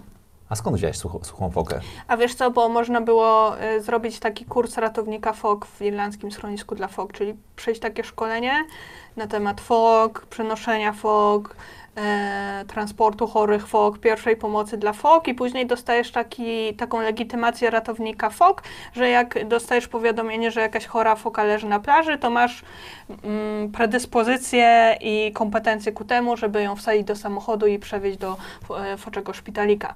I mój mąż wziął ze mną udział w tym, y, w tym szkoleniu, co uważam, że jest największym wyrazem miłości, bo mm, bardzo się po takich szkoleniach śmierdzi rybą, wiesz? Nie wiem. Mhm. Znaczy, ni- nigdy jeszcze nie byłem na szkoleniu na ratownika fok. I, I to nie jest proste, bo właśnie tam jakieś czaszki się ogląda o, focze oczy w słoiku i generalnie spędza się cały dzień na, e, na pierwszej pomocy dla fok. E, Ale mój mąż to zrobił dla mnie i, i we dwójkę jesteśmy certyfikowanymi ratownikami fok. Jesteś, ale czekaj, teraz jesteś naprawdę certyfikowanym i jeżeli na przykład jest jakaś, nie wiem, akcja ratowania fok, Mhm. to ty dostajesz normalnie na swój tajny telefon ratowników FOK, e, masz, masz, w ogóle, czy masz pagera? Ma, czy masz pagera ratowników FOK, gdy dostajesz sygnał Nie, ale mają, schronisko ma y, nasz numer telefonu. i dzwonią do ciebie, mówią, jest, jest akcja, Nie ratujemy tylko foki? do mnie, ale jak jest jakaś foka, która potrzebują pom- potrzebuje pomocy, to dzwonią do wszystkich ludzi, którzy właśnie skończyli to szkolenie i pytają, czy mogą zabrać tą fokę z tej plaży. Albo czy mogą pojechać na plażę, poobserwować fokę i sprawdzić, czy ona potrzebuje pomocy, czy nie. I ty miałeś taką akcję ratunkową? Jeszcze nie. Czekam. Ale to, czy to jest tak, tak jak normalnie w słonecznym patrolu, że ty wy- wybiegasz, ten włos rozwiany, biegniesz, Wiesz, to z, no, z taką i- klatką na foki? Gdzie- Ja właśnie- to przeprowadzę tak, jak będę chciała i ja to przeprowadzę dokładnie tak. A, a, jak się fokę wrzuca do wody? Znaczy ma, masz jakieś specjalne takie coś do... Foki się nie wrzuca do wody. Po co ty fokę wrzucasz do wody? No jeżeli- To nie jest karp. Ona sama wejdzie do tej wody, A, a to po, dlaczego leży na plaży? bo odpoczywa. A to jest największy mit, że ludzie myślą, że jak foka leży na plaży, to należy ją polać wodą albo wrzucić do morza. Zupełnie serio, nie, nie róbmy tego. Jak ona leży, to ona sobie odpoczywa. Jak, jak ty byś się czuł, jakbyś leżał sobie na plaży w Międzyzdrojach, a nagle podszedł ktoś i cię wrzucił do morza? I, i, i foki tak samo robią? No też nie są Tak- zadowolone. Tak się, też, też, też im nie jest fajnie? No nie jest im fajnie. Ostatnio y, ktoś... y, Czekajcie, bo to jest bardzo ważne. Zbliża się długi weekend. Jeżeli ktoś z Was, będąc na plaży, gdzie- gdziekolwiek, zobaczy jakąś fokę, to bardzo proszę nie wrzucajcie ją do wody. To powiedziała Janina. I nie jest- oblewamy jest- jej wodą. Nie oblewamy jej wodą, która jest certyfikowanym ratownikiem e, fok. A to jest zupełnie serio. Y, Moja czytelniczka przysłała mi ostatnio filmik, jak spotkała fokę na plaży i byłam z niej bardzo dumna, bo zrobiła wszystko tak, jak trzeba. Czyli, Czyli co? zachowała dystans, nie podchodziła do niej, Zachowajcie dystans. e, obserwowała ją, tak, żeby się upewnić, że ona tam Ale czy obserw- obserwowała ją z zakaamienia tak, żeby ona nie, nie czuła się obserwowana? Czy No jednak, z że to- bardzo czy normalnie dużej ham- odległości, na nią gapiła? nawet z 20 metrów powiedziałabym. Em, I zadzwoniła do Błękitnego Patrolu. No w przypadku Polski to jest Błękitny Patrol i należy ich powiadomić, że jest sobie taka foka i oni zdecydują. I co zrobił ten błękitny patrol? E, w tej historii nie wiem. Jeśli ta foka była zdrowa, to po prostu mm, wysłali wolontariusza, żeby pilnował, żeby nikt foce nie przeszkadzał. Co uważam za świetne, każdy powinien mieć takiego wolontariusza na plaży, nie? Mhm, każda foka. Nie, każdy człowiek też. Że stoi i dba o to, żeby nikt ci nie zawracał gitary. No, Nie, więc spoko. albo foka dostała wolontariusza, żeby właśnie nikt, żaden idiota jej nie polewał wodą, albo jeśli była chora, no to ją zabrali na rehabilitację. A masz jeszcze jakieś inne e, zwierzęta, które tak bardzo lubisz? No, ostatnio kotki. Dobra, ale kotki też nie lubią, jak się wrzuca do wody, jak leżą na plaży. A mój kot bardzo lubi wodę. Naprawdę? No, on lubi, on tak... ym, Ale lubi do niej sam skoczyć, czy lubi być wrzucony? Nie, lubi wskoczyć do niej albo siedzieć pod y, kranem, pod wodospadem. Ja myślę, że dlatego, że on myśli, że jest pumą po prostu. Co w ogóle uważam jest świetne w kotach i moglibyśmy się tego od nich nauczyć. Że myślą, że są pumą? Tak. No to my możemy sobie Ja myśleć... myślę, że jestem teleekspresem. Ty myślisz, że jesteś I, i myślisz, że, że, teleekspresem. myślisz, że myślenie e, kota, że jest pumą jest fajniejsze niż to, że ja myślę, że jestem teleekspresem? Nie, ja uważam, że są oba te myślenia są bardzo ważne i bardzo Okej. fajne. No właśnie. Bo ja mogę sobie myśleć, nic nie umiem, nic mi nie wychodzi, a mogę sobie myśleć, ha, jestem pumą. Pumą pod wodospadem. Tada, okazało się. Bo, Co? o, bo, bo nie wiem, czy na przykład ja tutaj mam No e, takie, to są wycinarki do tostów, ja mogę pokazać, o, w kształcie Batmana. No. One równie dobrze mogłyby być spotlightem. Znaczy, gdybym miał ża- żarówkę, znaczy latarkę, to mógł zrobić spotlight. I tutaj się pokazywało, że Patrycja podpowiada, że ty też masz taki spotlight. Na niebie pojawia się taka wielka makrela i wtedy Janina i Wojtek pędzą na ratunek Tak fokom. jest, tak, dokładnie tak jest. Taka po prostu jest taki, taki komunikat. Okej. Dobra, b- b- rozmawialiśmy o twoim, e, o twoim kocie, który myśli, że, że jest pumą. Jak długo masz kota? Dwa lata? Prawie, półtora roku. Półtora roku masz kota. Mhm. W którym momencie pojawiła się myśl, weźmy kota? Ej, to jest śmieszna sytuacja. No to I to jest bardzo ważna lekcja dla wszystkich żon. Okej, czekajcie. Były lek- ja, ja uporządkuję tę dyskusję. Były do tej pory lekcje dla, męż, dla, dla mężów. Jeżeli twoja partnerka, dziewczyna, żona dzwoni i mówi, że jest mi zimno, możesz A. Przygotować kocyk, jak ona wróci i powiedzieć, myślałem o tobie, przygotowałem kocyk. Możesz przygotować też termofor. Wtedy liczy na to, że dostajesz w ryj za, za to, że powie, nie jestem jeszcze taka stara, żeby leżeć w, z termoforem, więc wy, wybieraj kocyk. Optymalnie, żeby kocyk był taki w, w, puszysty od środka, jak się na- nazywa? Z futerkiem, o, taki, żeby było tak naprawdę milutko. Ale nie żywym. Nie, nie, sztucznym futerkiem. A po prostu No. sztucznym futerkiem, żebyś mogła sobie leżeć i gładzić i myśleć, że jest prawie tak miło, jak słucha woka. Tak. I teraz lekcje dla e, żon. Lekcje dla żon są takie, że ja bardzo chciałam kotka. Aha. E, więc codziennie marudziłam mojemu mężowi, że chcę kotka, a mój, ko, mój, mój kot, tfu, mój mąż mówił, że nie możemy mieć kotka, bo coś tam, coś tam, coś tam. Używał racjonalnych argumentów? Tak, to jest najgorsze. Okej. Ja jakby, ja uważam, że, że to nie jest fair w małżeństwie, jak ktoś używa racjonalnych argumentów, zwłaszcza jeśli dyskutujemy o tym, czy mieć kotka. Nie, Hello. no, nie, no to... Mhm. E, no i tak e, jęczałam mu, jęczałam, jęczałam i w pewnego dnia przyszłam i zajęczałam, że chcę kotka. On powiedział, dobra. Wiesz, jaka ja byłam Czekaj, zdziwiona? przy, przychodzisz do domu, No, tam, tam, tam, tam, tam, tam, mówisz, dzień dobry, chciałbym mieć kotka. a on mówi tak. I wtedy się poczułeś trochę jak ta, jak ta foka wrzucona do wody. Znaczy, Tak! Nie, nie, nie wiesz, co zrobić. Tak! Byłaś przygotowana na zupełnie inną historię. Byłam, ja w ogóle się tego nie spodziewałam, ja nie wiem, co to się wydarzyło, ale to jest lekcja dla żon, że opłaca się nękać. Ale to tylko mężów, nie nękajmy innych tam osób. A, e, On myśli, myśli, że się zgodził, e, bo już, Bo go nękałam? bo już miał dosyć, czy po prostu pomyślał sobie, kurczę, zapomniałem dzisiaj przygotować tego, e, kocyka, muszę jakoś wybrnąć z sytuacji, zgodzę się na kota. E, Czy odpowiedział na inne pytania, znaczy tak naprawdę on był... Z, z, nie wiem, bo teraz... On my, myślał o kanapce i z, z, myślał sobie, czy chcesz kanapkę. Powiedział tak, a później spytała o kota. O nie, już po. Albo to było dwa lata temu, on wciąż czeka na tą kanapkę. Do, do, dokładnie, on siedzi, mówi, kurczę, kot jest, a kanapki nie ma. Nie wiem, nie wiem, co się stało, ale no to też nie jest tak, że, y, że samo nękanie działa wbrew pozorom, bo teraz go nękam u drugiego kota i racjonalnie... Znowu on to robi, znowu jest racjonalny, szlak mnie trafia. Ale po co ci drugi kot? Znaczy, co się zmieni w waszej... Ale mój mąż ci kazał to spytać? Nie, co się zmieni w waszym życiu, jak będziecie mieli drugiego kota? Mm. Jaki jest twój ulubiony węglowodan? E, marchewka. Dobra, e, lubisz sernik? Nie, ale uwielbiam czekoladę. Absolutnie uwielbiam czekoladę. No dobra, no to... Nie jem jej, bo jest cukier detoks, ale uwielbiam czekoladę. O Jezu, ja też jestem na cukier detoks. Jak długo jesteś na cukier detoks? Na cukier detoks jestem od kiedy do studia przyszedł e, Marcin Konieczny. Marcin Konieczny przyszedł do studia pewnie jakiś miesiąc temu, od, a ja nie jem go, nie, nie będę jadł cukru do sierpnia. Teraz mogę się przyznać trochę, w święta zjadłem trochę babki drożdżowej, ale niedużo. Ja 6 miesięcy nie jem cukru. Ale co? tęsknię za sernikiem. Ale on nic nie zmienia w życiu. Co, cukier? No brak tego cukru. Znaczy przynajmniej w moim nic nie zmienił.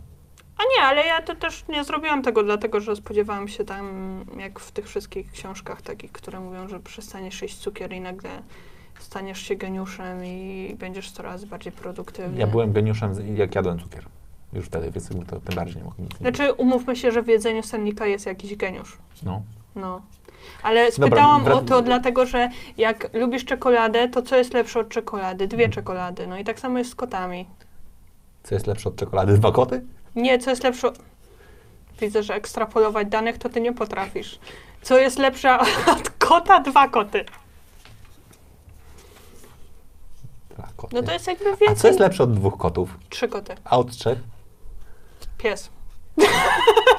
Wojtek, ja cię ostrzegam, nie idź tą drogą. Znaczy, właśnie odkryliśmy związek, a Janina co prawda mówi, że jedno działanie nie, jest, nie zawsze jest następstwem tego po, poprzedniego, ale ja je- jestem z, takim przekonaniem graniczącym z pewnością powiedzieć, że gdyby nie było pierwszego kota, nie byłoby mówienia o drugim, bo wtedy ten drugi byłby pierwszy. Ale masz na to dane? No właśnie jeszcze nie, ale będę, będę za chwilę je zbierał. Dobrze, dobrze, to informuj mnie. Janina ma Wojtka, Mhm. niech Pixel też ma swojego Wojtka. A Pixel ma chłopaka. A kto to jest Pixel? A Pixel to jest mój kot. Ale- I on ma chłopaka. Gdzie? Y, No w Irlandii kot sąsiada i oni sobie tam przychodzili pod okno. Ale ze sobą chodzą normalnie? No właśnie już nie chodzą, bo ten jego chłopak zaginął. Nie wiem, czemu mnie to rozbawiło, bo to nie jest śmieszne, ale chyba rozbawiło mnie to, bo jak powiedziałam, że on zaginął, to zaczęłam się zastanawiać, czy może mój kot miał z tym coś wspólnego. No ale miał chłopaka, już nie ma, bo no nie ma, no.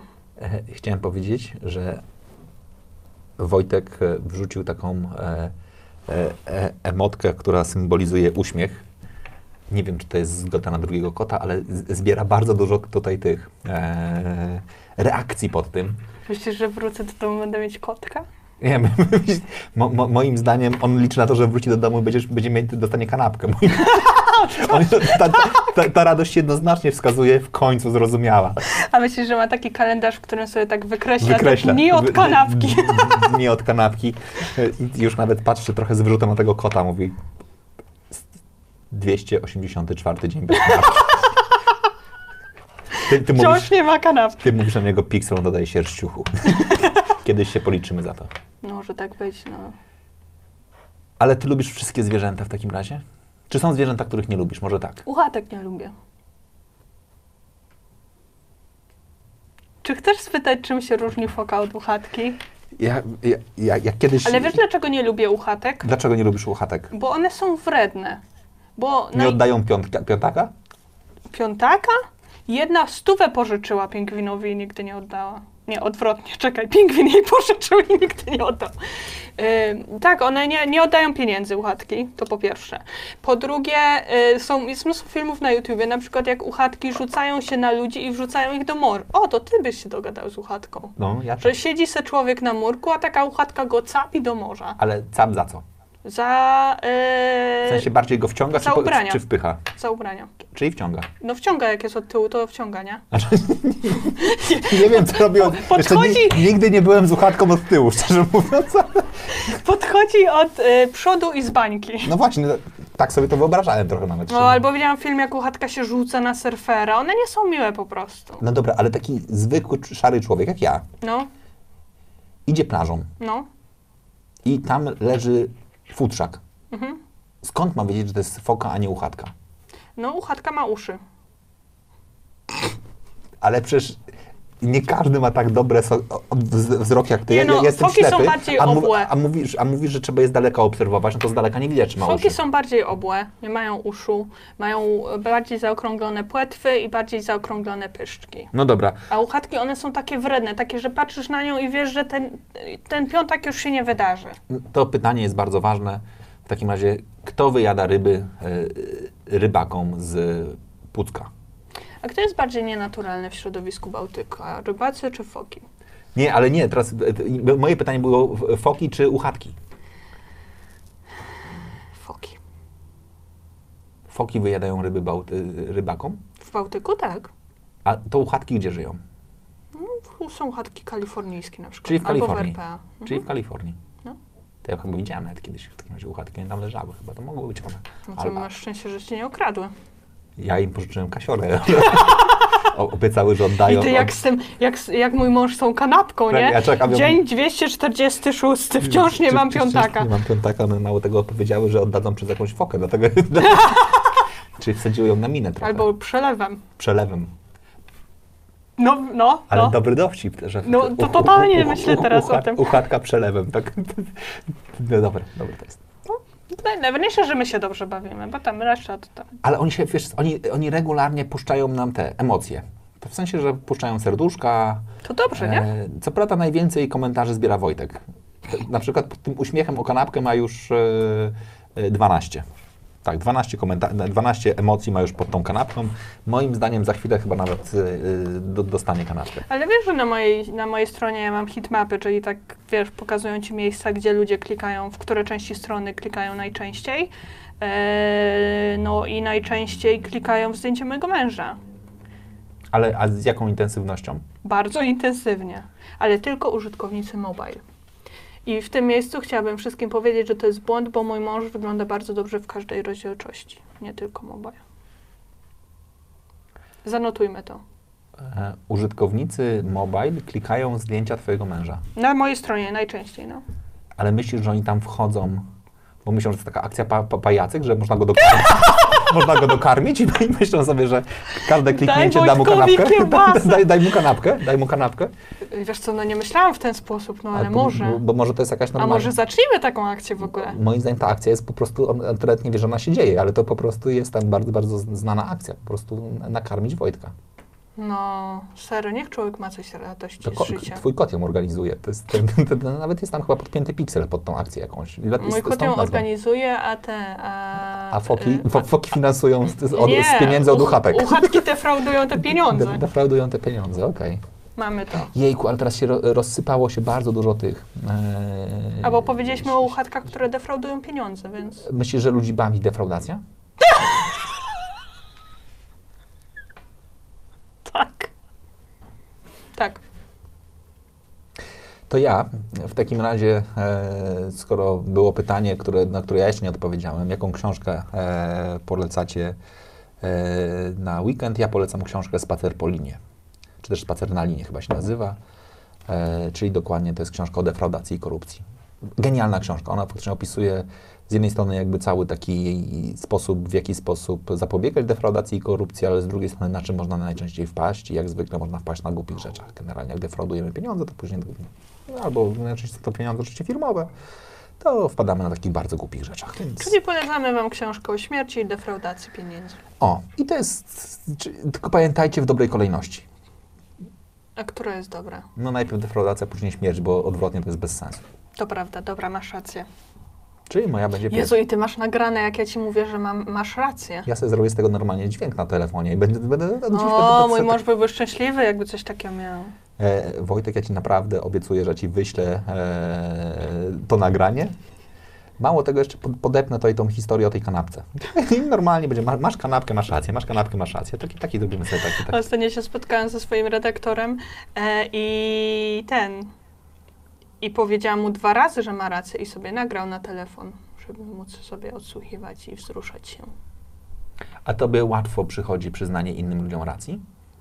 Mm, nie, ale przyznaję ludziom rację. Znaczy, jeśli to... Y, Ale mocno cierpisz wtedy? Która część twojej, Twojego wnętrza cierpi najbardziej? e, chyba ego. Chyba ego. A masz duże? Myślę, że tak. Ale walczysz z tym? Ym, a jak zdefiniujesz ego? Takie poczucie wyższości czy poczucie własnej wartości? Eee, ja bym w ogóle powiedział świ- świadomość siebie i własnej wartości. Ja nie lubię dawać poczucia, bo poczucie jest takie tam, no ale to poczucie i świadomość to jest zupełnie podobna rzecz. No. Ja myślę, że mam obszary, w których mam dobrą świadomość swojej własnej wartości i bardzo trudno ją naruszyć. Em, ale są obszary, w których się czuję bardzo niepewnie, mimo iż z zewnątrz można by myśleć, że czuję się w niej ekstremalnie pewnie i, i po prostu już nic y, mnie nie zaskoczy. A poza tym A cierpię... wiesz, że cię o to spytam, jakie to są obszary? Tak, zaraz ci powiem. A, a poza tym bardzo cierpię na syndrom y, drugiej płyty. Znaczy, że jak coś mi wychodzi, na przykład, nie wiem, Żart?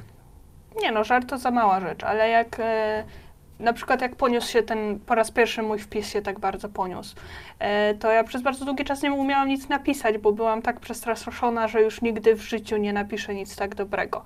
Albo jak miałam wystąpienie w TEDx Koszalin, które też było bardzo dobrze przygotowane, długo się do niego przygotowałam, więc lubię myśleć, że dałam tam 100% tego, co zrobiłam tam 100% tego, co mogłam zrobić. Mm, to była ta sama sytuacja. Też jakby bałam się wejść na scenę, bo bałam się, że już nigdy tego nie powtórzę, że jakby osiągnęłam swoje maksimum i tyle.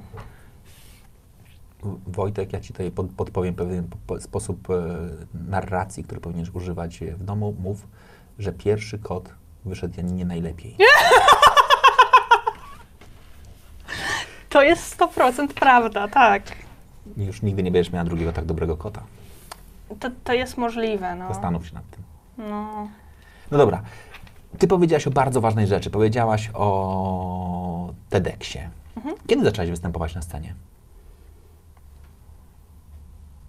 Też niedawno. Dwa lata temu? Co było twoim pierwszym wystąpieniem? Znaczy w ogóle kto cię wyciągnął na scenę? Czy pamiętasz w ogóle swoje pierwsze wystąpienie? E, Piotrek Budzki mnie wyciągnął na konferencję. No, znaczy nie mówię o tam wystąpieniu na uczelni, Nie, nie, nie, konferencjach nie. naukowych, nie? E, Piotrek Budzki na konferencji Progress Day. E, a Piotrek Budzki, em, wtedy też się jeszcze nie znaliśmy, teraz się znamy i lubimy bardzo, ale wtedy ja go się trochę bałam nie w znaczeniu strachu, tylko był dla mnie tak dużym autorytetem, że postanowiłam zrobić wszystko, żeby na tej konferencji, gdy poznamy się po raz pierwszy i po raz pierwszy zobaczę, jak występuje, żeby to było najlepsze wystąpienie, na jakie mnie stać. Żeby go w jakiś sposób nie zawieść. Po prostu significant hour, nie? Chcemy dobrze wypaść w oczach takich ludzi.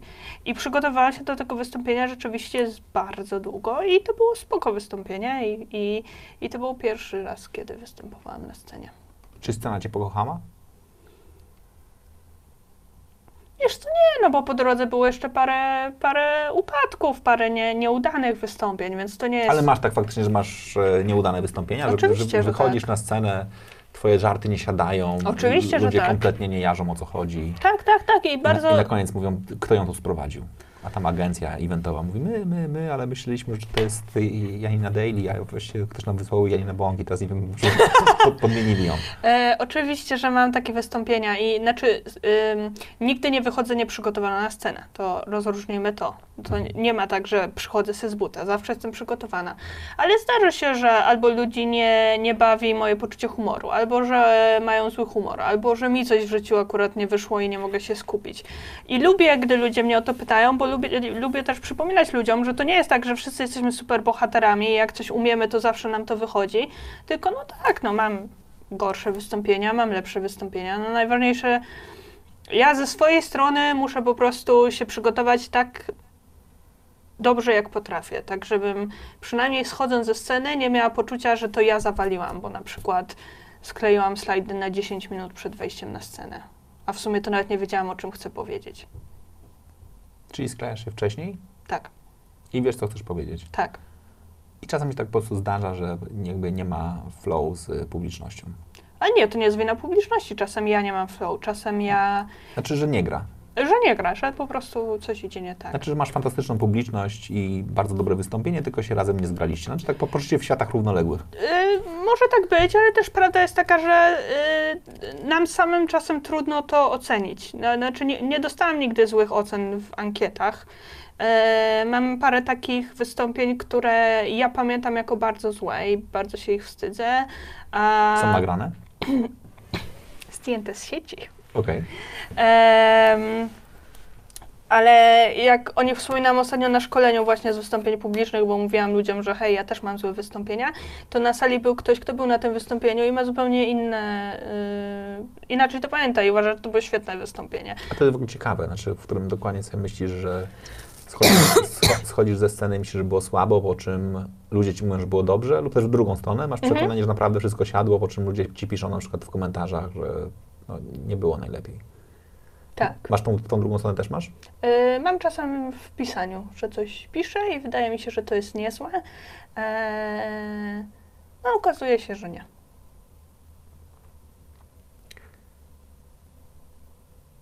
Piszesz codziennie? Już nie. Bardzo żałuję. Kiedy zaprzestałaś? kiedy dorosłam, kiedy przestałam mieć czas.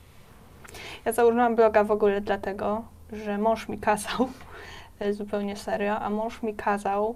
em, Poprosił cię, wsparł, zarekomendował. On nie jest w stanie ci kazać. no nie, no wiadomo, ale ja się bałam, no bo bałam się oceny, ale też wiedziałam, że ja jestem leniwą bułą.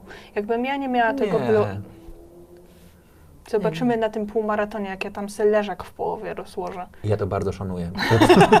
w, w, naszym, w naszej procedurze startowej leżak w połowie jest absolutnie akceptowalny. Em, I ja trochę założyłam tego bloga po to, żeby się sama zmusić do pisania właśnie, bo wiedziałam, że nie będę miała motywacji, żeby pisać sama dla siebie do szuflady, a trochę lubiłam to robić, chciałam się w tym doskonalić, najlepiej to doskonalić poprzez ciągłe pisanie, e, więc to była taka, taka motywacja sama dla mnie, żeby, żeby to robić systematycznie. I codziennie siadał tekst. Nie, ale trzy razy w tygodniu siadał tekst przez te dwa lata, kiedy nikt mnie nie czytał, co było... Siadał najpierw na bloga, czy od razu też na Face'a? A to się zmieniało. Najpierw na bloga, później zobaczyłam, że Face jakoś super żre. Teraz jest i tu, i tu, bo em, ja wiem, że tam z perspektywy coś tam statystyk, marki, to niekoniecznie jest mądre, ale mnie zależy na tym, żeby te teksty były czytane, więc ja wrzucam i tu, i tu, i wszędzie. I jak ktoś czyta tylko bloga, niech czyta na blogu, jak ktoś czyta tylko Face'a, niech czyta na Face'ie, nawet jeśli to nie są moje statystyki, bo to jest właściciele Face'a, Facebook y, czy coś takiego. Nie wiem. Ja chcę, żeby te teksty się po prostu czytały. Okej. A jakby się czytały dobrze, to by było w ogóle cudnie. No dobra, to teraz ile piszesz mniej więcej? No teraz piszę dużo rzeczy, znaczy no pewnie codziennie piszę, bo piszę prezentację, albo piszę kopii dla kogoś, e, albo piszę, no książkę teraz piszę, to piszę. Jeśli ogląda mnie mój wydawca, chciałam powiedzieć, że piszę. E, O czym piszesz książkę? O statystyce. A, a, a wiesz, że zrobiłeś minę, jakby coś umarło w środku w tobie właśnie? Ja myślałem, że napiszesz książkę o blogowaniu, że napiszesz książkę o tym, jak fajnie opowiadać o statystyce, że napiszesz po, książkę o fokach. Ale to jest bardzo, to jest książka, O, fokach statystycznie rzecz biorąc, które E, nie, oddają nie, częściej nie, kasę nie, niż nie, uszatki. to nie jest, e, Uchatki. to na pewno. E, to nie jest książka podręcznik do statystyki, Okej. tylko to jest statystyka taka... Dla tak, opornych. E, nie, nie, nawet nie dla, dla opornych, tylko e, dla każdego. Takie wyjaśniane... Masz już tytuł? E, tak. A możesz zdradzić? No i ile trzeba zjeść czekolady, żeby dostać Nobla? Taki ma tytuł, jak mój TEDx. Mhm. Moim zdaniem już sam tytuł wskazuje, że to będzie książka o statystyce. No nie, bo to będzie książka o statystyce. Mhm. Będzie się zaczynać od jednego intrygującego badania naukowego, intrygującego pytania, bo na przykład rzeczywiście Messali zmierzył w pewnym momencie, ile trzeba zjeść czekolady, żeby dostać Nobla. E, I na tej podstawie będę tłumaczyć. e, A ile trzeba zjeść czekolady, żeby dostać Nobla? Poczekaj, muszę to policzyć. Może jestem już bardzo blisko nagrody. e, No, obawiam się, że Messali popełnił błąd w tym badaniu i tak naprawdę to nieważne, ile zjesz, to nie ma żadnego znaczenia. Popełnił błąd, e, pomylił korelację z kauzacją. em, Czekaj, czekaj, co to jest korelacja, co jest kauzacja? Znaczy korelacja wiem, a kauzacja? E, No, związek przyczynowo-skutkowy. Jeszcze popełnił em, błąd ekologiczny rozumowania, czyli nieuprawnione przenoszenie wniosków z korelacji grupowych na korelacje jednostkowe. Mhm. I ty rozumiesz to wszystko, o czym teraz powiedziałaś. A ty nie? Nie? I chcesz to wyjaśnić ludziom. E, nie, mój drogi, po prostu zawieszam pytanie, zostawiam lukę informacyjną i musisz kupić moją książkę, żeby się dowiedzieć. A dostanę autograf? Tak, Dobrze, umowa, umowa stoi. Powiedziała, że wydawca. ale nie, akurat... e, Czekaj, ale powiedziała, że Poczekaj, wydawca. poczekaj. E, O efekcie społecznym, nie, tfu, o błędzie ekologicznym rozumowania jest wpis na blogu i podobno jest napisane tak, że wszyscy go rozumieją. Obiecuję, że przeczytam. Nawet do, poned- do, do poniedziałku pewnie nawet go znajdę, wkleję i opowiem osobom o tym, e, co o nim myślę. E, nie wiem, czy wiesz, tutaj cały czas e, toczy się dyskusja o tym... E, Czy o tych rybach, które kupi nam Tomek Manikowski? Nie, ta dyskusja już niestety spadła. Jest cały czas dy, dy, dyskusja a propos Piotra Budzkiego i porad. E, Pyta w imieniu koleżanki Asia, ta sama, która nas e, Aha. mówiła, że uwielbia Twoją audycję. E, a serio o, o poradę dla singli. Czy Piotr Budzki jest wolny? Jest cały czas to pytanie. Nie. Czy ty, czy ty wiesz może coś o tym? Wiem i wiem, że nie jest. Nie jest? Asia, przekaż koleżance, że nie jest. Jest wolny, mądry i nie jest, e, znaczy nie jest, jest potem padła odpowiedź, że jest szybki. Nie, jest po prostu zajęty. Sorry, koleżanka nie odpuszcza. Taka jest odpowiedź. Jest bardzo szczęśliwy. Jest szczęśliwy. I mówię o tym z uśmiechem, bo bardzo lubię o tym myśleć. Jakby Piotr Budzki był wolny, to bym już z nami zamieszkał w komunie małżeńskiej, no. A on lubi koty? On jest uczulony.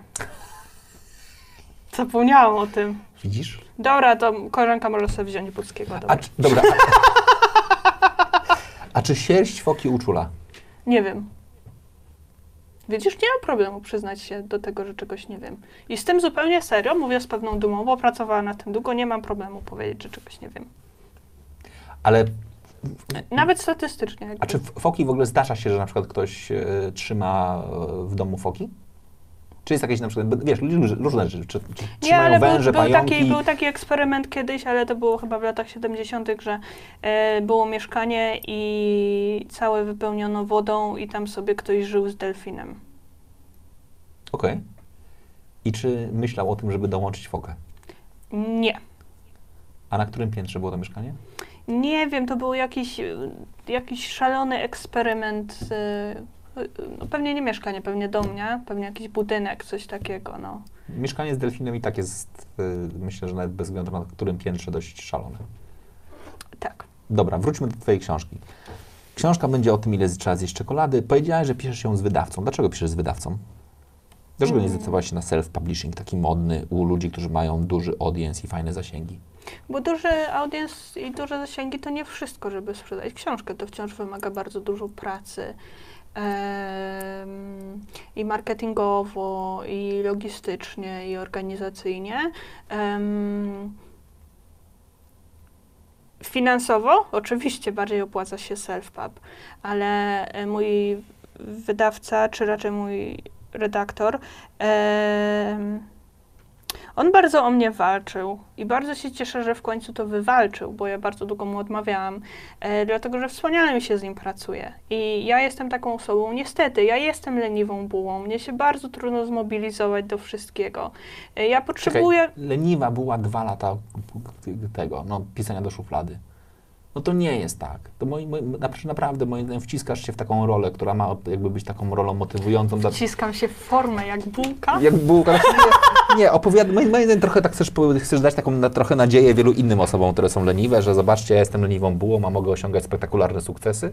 Nie, no bo ja jestem leniwą bułą, ale jak mam coś zrobić, to ja to w końcu zrobię, tylko zrobię to na ostatnią chwilę. Okej.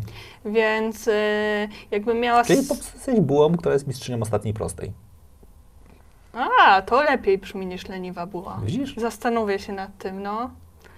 E, dobrze mi się pisze książkę z wydawcą. Wiem, że to nie jest popularne, i, e, ale to, że, że mam takiego Maćka, który właśnie jest moim redaktorem, który nad, nade mną czuwa i jak e, mam właśnie taki spadek wiary we własne możliwości, wydaje mi się, że ten rozdział jest totalnie bez sensu, to, to potrafi to rzetelnie ocenić.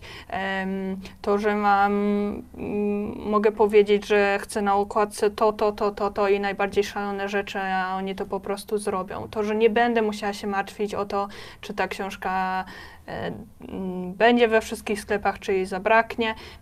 Postawiłam na wygodę, no taka jest prawda. Jakby e, dla mnie wydawanie książki z wydawcą jest wygodne. Jeśli my ją wydamy i po drodze okaże się, że była jakaś spektakularna wtopa, na przykład wydrukowali 50 egzemplarzy, a akurat mama wszystkie wykupiła i nikt inny nie mógł jej kupić, no to się zacznę zastanawiać, czy to był dobry pomysł. Na ten moment jestem zadowolona z tego pomysłu. Dla mnie to była najlepsza opcja. Bo ja też zajmuję się, wiesz, dużą ilością rzeczy w życiu i, e, i nie, chciałam, nie chciałam się zajmować tymi wszystkimi rzeczami, które mogę outsourcować gdzie indziej. Mhm. Jedną z tych rzeczy, które outsourcowałaś, było wydanie książki. Tak. Jakie masz jeszcze inne takie e, szalone pomysły? Nie wiem, zdefiniuj szalony pomysł. E, któregoś pięknego dnia pojechać na weekend do Dublina i zostać tam na stałe? Nie, aha, okej. No nie, to nie jest normalne, sorry. No nie, i Tyl, właśnie... Tylko dlatego, że gość umie cię przykryć kocykiem, jak jest zimno, no wiesz. To. No wiem i dlatego też nigdy nie miałam pretensji do, do, do ludzi, którzy wymawiali mi wtedy, że to jest idiotyzm, bo zdaję sobie sprawę, że z, obiektywnie rzecz ujmując to był idiotyzm i to wcale nie musiało się udać. A, dowód anegdotyczny. To, że się udało wcale nie znaczy, że musiało się udać. Czyli nie każda osoba, która pojedzie na, do, na weekend do Irlandii do faceta, będzie miała tak szczęśliwe e, Oczywiście, życie że ty. tak. No, no zaryzykowałam i to mi się udało, więc no, nie szokuję niczego. Okej, no i ty, kiedy kolejne takie sz- szokujące pomysły? A wiesz co, ja już... Wojtek, ja we wtorek kończę 31 lat. Ja już nie mam... Czy mamy lekarza? No, tutaj jakby ten, no, w razie czego? Tak chciałem tylko sprawdzić, bo to już No nie, to nie właśnie, są a ty się śmieje. Ja, Ja skończyłam ogóle- 30 lat, Ja się wszystko się śmieję. zaczęło sypać nagle. Wszystko. Em, więc nie, nie mam już takich potrzeb. Nie mam już e, e, potrzeby, żeby się e, przeprowadzać w kolejne szalone miejsce albo. No, a, no widzisz, no ale to też tak deklaratywnie mówię, nie mam takich potrzeb, no ale dwa lata temu całkowicie jakby zaczęła na przykład występować na dużych scenach, Mhm. co było dla mnie nie do pomyślenia kiedyś. Więc jak to ładnie napisała Szymborska, tyle wiemy o sobie, na ile nas sprawdzono. Myślę, że jeszcze się przekonamy, ile we mnie jest tego em, ryzyka i, i, i takiej ochoty na szaleństwa. Wydaje mi się, że nie ma, no ale znowu, może się zaskoczę. Największa scena, o jakiej marzysz? TED Global oczywiście. Naprawdę? Naprawdę, tak. Ale masz to wpisane na liście celów? E, mam, tak. Kiedy? No właśnie mam, wpisuję i wykreślam w momentach, kiedy wydaje mi się, że się do niczego nie nadaje. I teraz yy, Ale dajesz. się. rozróżnimy dwie rzeczy. Ja zdaję sobie sprawę, że jeszcze nie nadaje się na scenę TED Global, ale myślę, że w perspektywie jakiejś tam czasowej mogę się o to starać. Ile? Nie wiem, nie myślałam o tym. Boję się. Znaczy, boję się powiedzieć tej liczby. Nie no, po- powiedzmy sobie szczerze, znaczy po 31 roku nic, nic nie będzie takie samo, więc jakby generalnie myślę, nie no, że powiedzmy sobie szczerze, no ja dlatego boję się powiedzieć, bo we wtorek skończę 31 lat i... 31 lat no. we, we, we wtorek, to moim zdaniem później to już...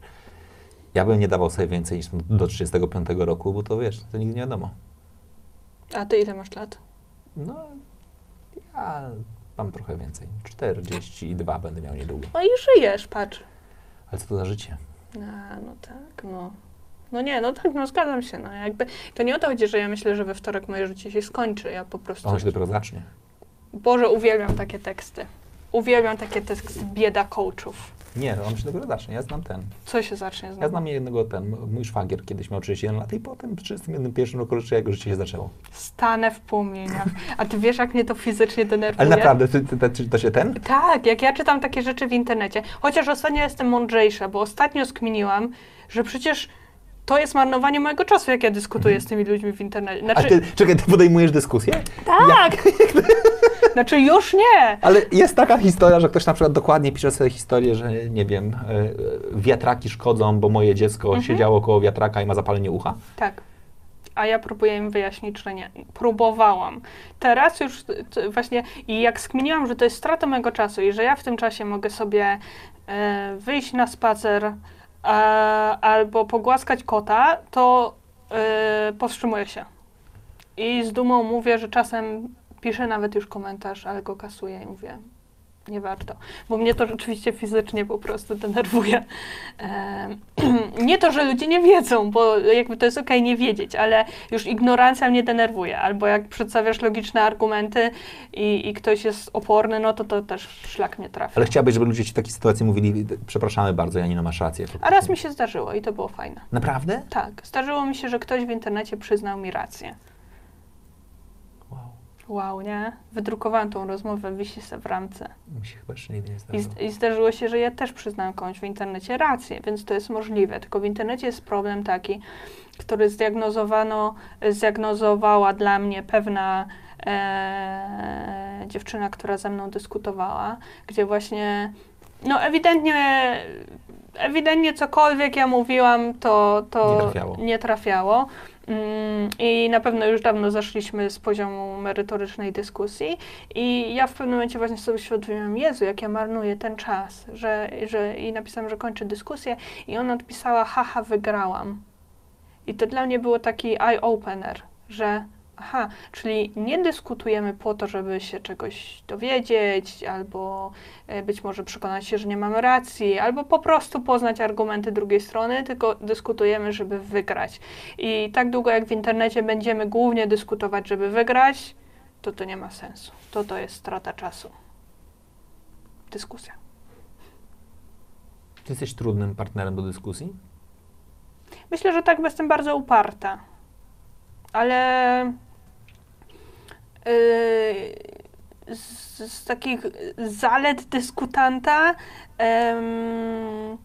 no to bardzo, bardzo staram się zwalczyć w sobie wszelkie poczucie wyższości. W sensie to, że ktoś czegoś nie wie, co ja wiem, e, w żaden sposób nie sprawi, że będę go traktować jak idiotę albo e, jako kogoś niższej kategorii. Więc myślę, że to jest moja zaleta. A Ponosi cię? tak, czasem nie ponosi. Jakie jest najgorsze przekleństwo, które używają statystycy lub którego używasz ty? Masz takie jakieś określenie straszne. Żebyś do końca życia dzielił przez zero. ja dużo klnę w ogóle w życiu. Naprawdę? Tak. A umiesz ładnie klnąć? Eee, nie, Czyli szpetnie? czyli szpetnie. O, jak, ile, ile to jest dużo? No, to jest trochę tak, że ja na blogu bardzo rzadko klnę. Jak się Mhm. pojawia przekleństwo, to ono musi mieć jakiś cel, w sensie najczęściej to zdanie jest po prostu śmieszniejsze, jak, em, jak użyję mocniejszego słowa. E, I to się bardzo często zdarza, że jak napiszę przekleństwo w poście, to ktoś daje komentarz, że o Boże, brzydkie słowo, Naprawdę? Janina nie wypada. Ludzie ci piszą, po co, przeklę... po, po co Tak. takich słów? Taka Tak. ładna dziewczynka, a takie, te, te, te, ten, Tak. takie brzydkie słowa. No i właśnie moi wszyscy znajomi się zawsze śmieją z tych komentarzy, bo wiedzą, że ja bardzo dużo w, w życiu codziennym tak naprawdę. Nie w miejscu publicznym. To nie jest tak, że weźmiecie mnie do restauracji, ja zachowam się jak zwierzę, ale jakby jak, jak reaguję sobie w dyskusji ze znajomymi, jak o czymś opowiadam, jak, yy, no to używam przekleństw jako takich, Wstawek. nie no nie bezużytecznych wstawek, Nie no. jako takich silniejszych emocji. Upiększaczy. No. Od jak dawna pracujesz z Kamilem? Półtora roku? On cię znalazł, czy ty jego? On. Kurczę, nie wiem jak to powiedzieć, żeby to. Mm... Ja znałam Kamila Ojej. bardzo dobrze i wiedziałam, co robi, i też bardzo go podziwiałam, e, gdy się nie znaliśmy. Teraz też go podziwiam, nie, żeby nie było, ale już wtedy. E, I gdy wiedziałam właśnie, że będzie na konferencji, na której ja będę, to to był taki mój też kolejny cel, żeby Podejść i zagadać. nie, absolutnie. W życiu bym się nie odważyła. Żeby pokazać mu, że umiem występować. Że może nie jestem mistrzem świata, ale że generalnie wiem, z czym to się je. Eee, I gdy Kamil, e, gdy się po raz pierwszy poznaliśmy, Kamil miał okropnego kaca i potraktował mnie Nie, to, niesam... to zupełnie nie, nie, jakby Prawda? bardzo rzadko, że tak powiem, ten, spotykamy Tak, dlatego Kamila. no byłam zaskoczona, ale akurat miałam pecha, bo to było po InfoShare. E, Ewidentny taka sytuacja anegdotyczna. No. E, I ponieważ miał kaca i był niewyspany i źle się czuł, to potraktował mnie bardzo z buta. E, I to mnie chyba jeszcze bardziej zmobilizowało. Ja wtedy wyszłam na scenę i powiedziałam, dobrze, to patrz. No i zobaczył. I po tym wystąpieniu mm, powiedział, że chce ze mną pracować rzeczywiście. Ja wrócę do Kamila, bo ja tutaj trochę nie wiem, co mam e, zrobić, bo jest taka historia, która jest e, trochę miła, trochę mniej. Znaczy, Arek napisał, ło matko. To mógł gorzej, ale użył takiego naj, naj, najbardziej No. łagodnego wykrzyknika. Ależ Janinka dziś przepiękna. To nie jest koniec. A jeszcze W nie? nawiasie, ja bardzo przepraszam, że tak niemerytorycznie, ale w sumie wy też tak sobie trzy po trzy. Dobra, ale my nie mieliśmy ambicji większych. To jakby my realizujemy swoje cele, Arek. Znaczy cele na, nasz- na, na, cele na miarę możliwości. Dokładnie. Czyli robimy 100%. Tak, tak. Dobra, wróćmy do Kamila. Kamil ci zaproponował współpracę. Tak. Czyli podszedł do twojej prezentacji powiedział, słuchaj, masz potencjał, ale musisz zrozumieć cztery warstwy prezentacji. Nie, nie, nie, nie. On jakby wiedział, że już czaję. Czaiłaś wcześniej cztery warstwy prezentacji? Intuicyjnie, tak. No nie wiedziałam, że Się tak nazywają? tak, ale, Ale przechodziłaś i- przez wszystkie cztery. Intuicyjnie zawsze robiliśmy prezentację według tej samej metodyki, no. Naprawdę? Tak. Zresztą Piotrek Bucki też, no jakby, I, ale no dobra, Piotrek mógł znać wcześniej, czy też nie znał. a nie wiem tego, nie wiem. I co było waszym pierwszym projektem? Co myśmy. Aha, no pra- pisaliśmy prezentację wspólnie dla jakiegoś klienta. Później dostałam samodzielnych klientów, którym pisałam prezentację, ale przede wszystkim zawdzięczam Kamilowi e, to, że no on mnie wprowadził na wszystkie duże sceny, bo to on mnie wprowadził na I Love Marketing, gdzie później wystąpiłam najpierw Mhm. z nim, a dopiero później mm, dostałam własny slot. On mnie wprowadził na InfoShare, znowu Mhm. wystąpiliśmy razem i dopiero później zostałam zaproszona sama, e, więc... em, Ale myślisz, że on, traktujesz to bardziej jako to, że on y, się o ciebie troszczy, że nie chce cię wpuścić od razu samej, czy po prostu Nie, się nie, nie, wstydzi? absolutnie nie. Nie, Kamil jest bardzo dobrym człowiekiem i, Cudownym. i, y, i po prostu nie, absolutnie się nie wstydzi i w ogóle się, on się na bank nie martwi o to, że ja sobie nie poradzę. On wierzy we mnie bardziej niż ja sama w siebie. Em, ale po prostu chyba, chyba tam, gdzie może dać mi możliwość, żebym się mogła jakoś rozwinąć, wystąpić, to mi ją daje. No i rzeczywiście w przypadku większości scen konferencyjnych, takich najważniejszych, no to on mnie tam wprowadził, a nie musiał, bo też mógł zrobić tą prezentację sam i, e, i może by mu nawet było szybciej, może łatwiej, nie wiem. A jednak zdecydował się je robić ze mną czasem. Okej. Kamil wprowadził Cię do świata, nazwijmy to korporacyjnego? Ja chyba, znaczy zależy, no, do świata marketingu, ale czy świata korpo, chyba wciąż mam mało wspólnego z tym światem, wydaje mi się. Naprawdę? Rzadko robisz wystąpienia wewnętrzne takie dla klientów albo szkolenia? Bardzo rzadko dla takich twardych korpo. Dobra, zdefiniujmy, czym jest twarde korpo.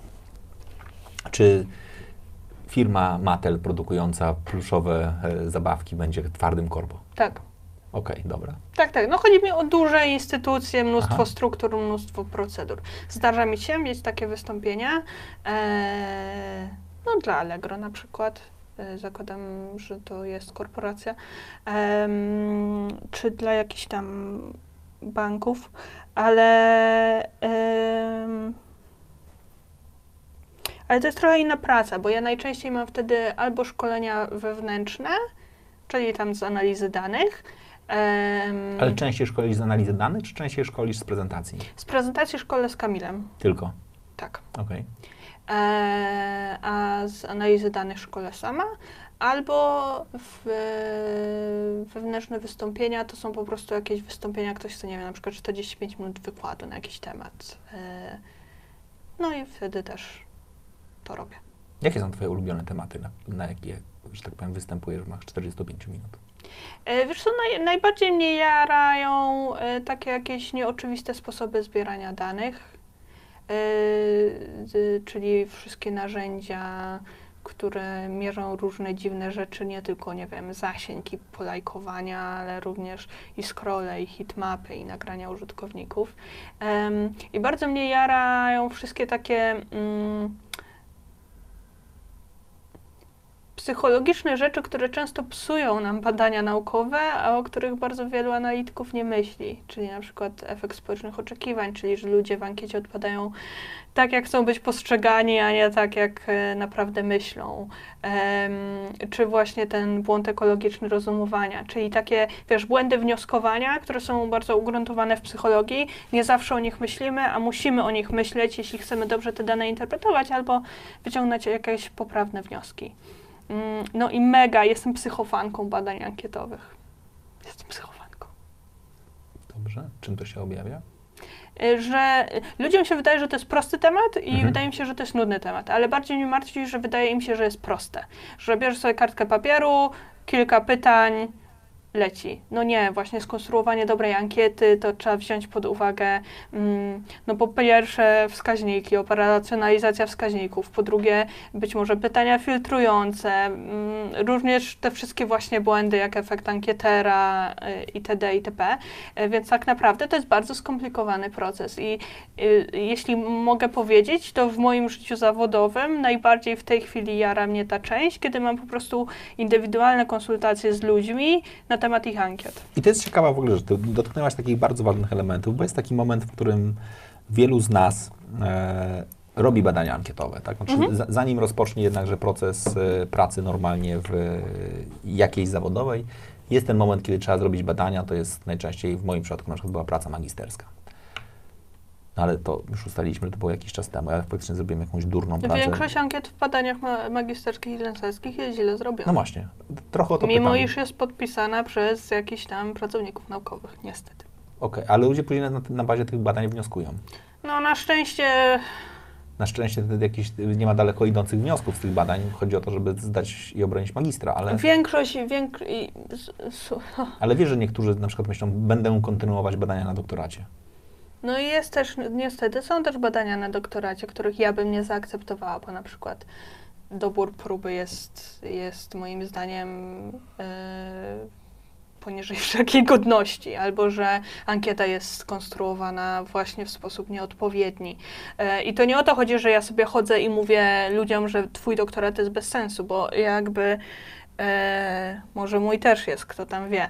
Em, no ale Uważam, że nawet na studiach doktoranckich mogą zdarzyć się badania, które nie są prawidłowo wykonane i, e, i to w ogóle jest cenna wiedza, cenna informacja, którą, o której musimy pamiętać, że to, że ktoś ma tytuł naukowy wcale nie znaczy, że zawsze ma rację, wcale nie znaczy, że nigdy się nie myli. Jakby, no obawiam się, że w chwili obecnej tytuł naukowy już, już nie jest gwarancją eksperckości w swojej dziedzinie. Choć może, bo znam bardzo wielu bardzo wspaniałych naukowców, którzy. em, no, przy których czuję się taka malutka, bo robią tak fenomenalne rzeczy. Więc mamy jak najbardziej takich naukowców. Tylko chodzi mi o to, że sam fakt, że, że ktoś tam zrobił sobie doktorat, wcale nie znaczy, że zrobił go dobrze. Okej. O Boże, widzę ten hejt teraz. Nie, teraz piszą o tobie tutaj takie same mi, mi, miłe, miłe rzeczy. Na przykład, e, y, no, że na Kamila spływa splendor. O, to są takie rzeczy. Na Kamila spływa splendor? Nie, myślę, że myślę, że to jest. My jesteśmy jak taki krab i jamochun.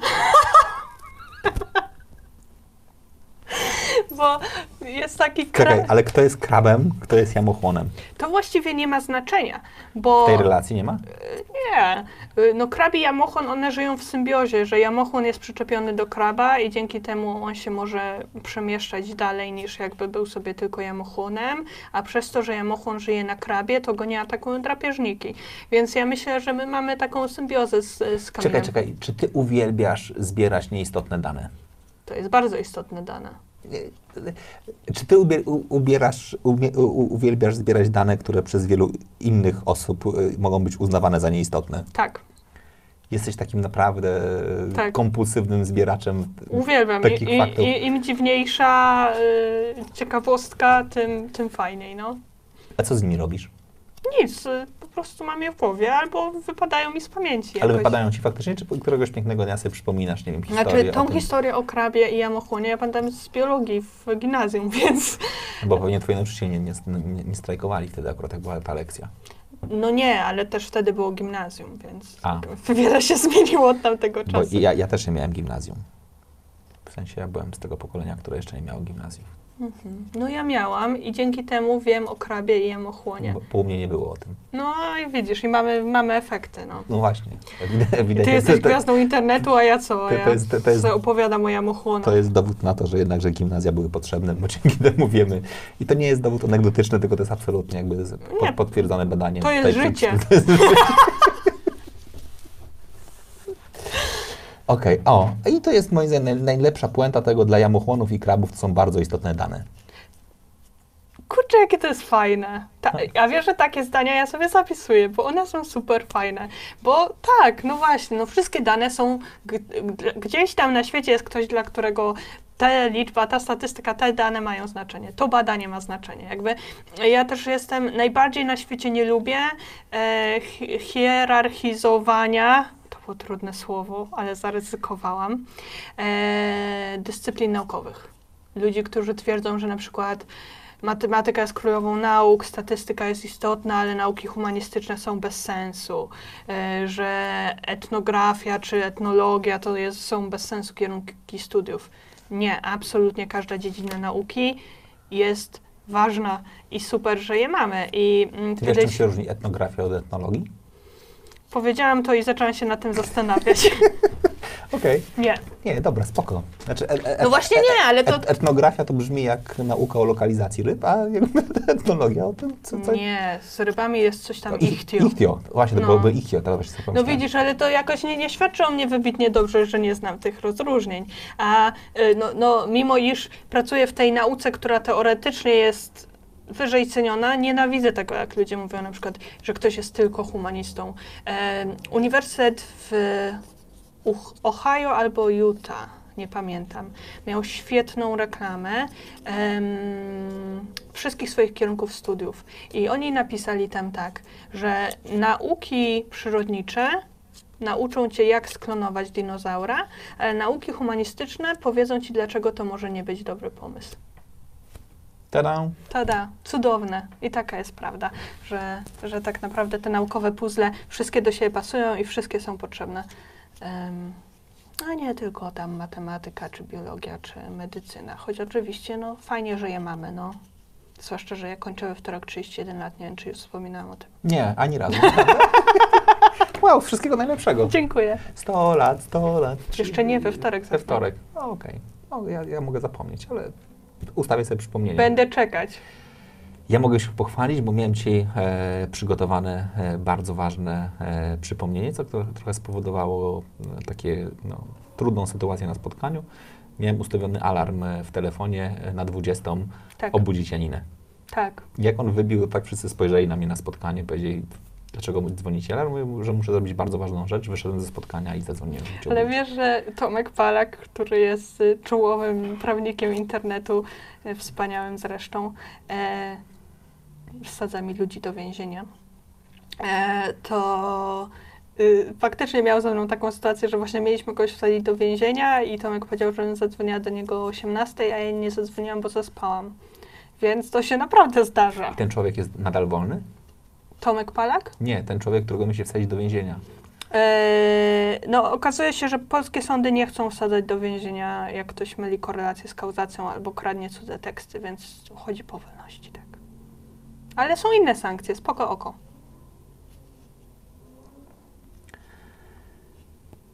Arek, który nam napisał, że mówimy trzy po trzy, powiedział, że e, o tych puzzlach naukowych to było naprawdę mocne, że każda nauka mu się składa.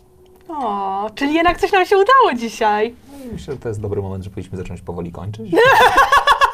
Tak, żeśmy, żeśmy czegoś mądrego znowu nie powiedzieli. Nie, bo moim zdaniem doszliśmy do pierwszego sukcesu dzisiejszej rozmowy. Ja podsumuję, co udało nam się Właśnie, ustalić. bo czekaj, bo czekaj, bo ludzie, którzy nas oglądali, oni nie wiedzieli, że my gramy w taką grę, że będziemy mówić do czasu, aż ktoś nam nie powie, że powiedzieliśmy coś mądrego. E, nie, kto, kto nam da kilka komplementów, to dostałaś pierwszy, że jest, i wyglądasz ślicznie. Drugi, Dziękuję. że jest coś bardzo mądrego i trzecie, że masz najwspanialszego mę, męża na świecie. No mam, no. Jesteś chodzącym szczęściem. Nie, oczywiście, że nie. Nikt nie jest. A masz na dane? Słucham? Masz dane, że nikt nie jest? Nie, o, słuszna uwaga. E, Uczę nie, się. nie mam. E, wydaje mi się, i tylko tyle mogę powiedzieć, że nikt nie jest. Nie, oczywiście, że nie, ale to też e, mm, czasem ludzie do mnie piszą wiadomości, czy, czy zawsze jestem taka zadowolona, taka uśmiechnięta. No nie, oczywiście, że nie. Mam, mam gorsze dni, mam gorsze miesiące, mam gorsze w ogóle okresy w życiu. To po prostu e, nie wszystkim się dzielę e, z wszystkimi. Ja myślę, że ci, którzy tak do Ciebie piszą, są po prostu uchatki przebrane za ten, za ludzi, bo... Szłuchatki są w kasynie i przepalają nasze pieniądze. I właśnie one dzwonią po to, żeby się to, Tobie przypodobać i, i skończyć tę dyskusję, a tak przy okazji po, pożycz piątaka. A, ej, a myślisz, że co by się stało, gdyby... Dobrze, że rozbudziliśmy nadzieję, że już kończymy, ale ja teraz mam ważne pytanie. A co by się stało, myślisz, jakby uchatka pożyczyła pieniądze kunie?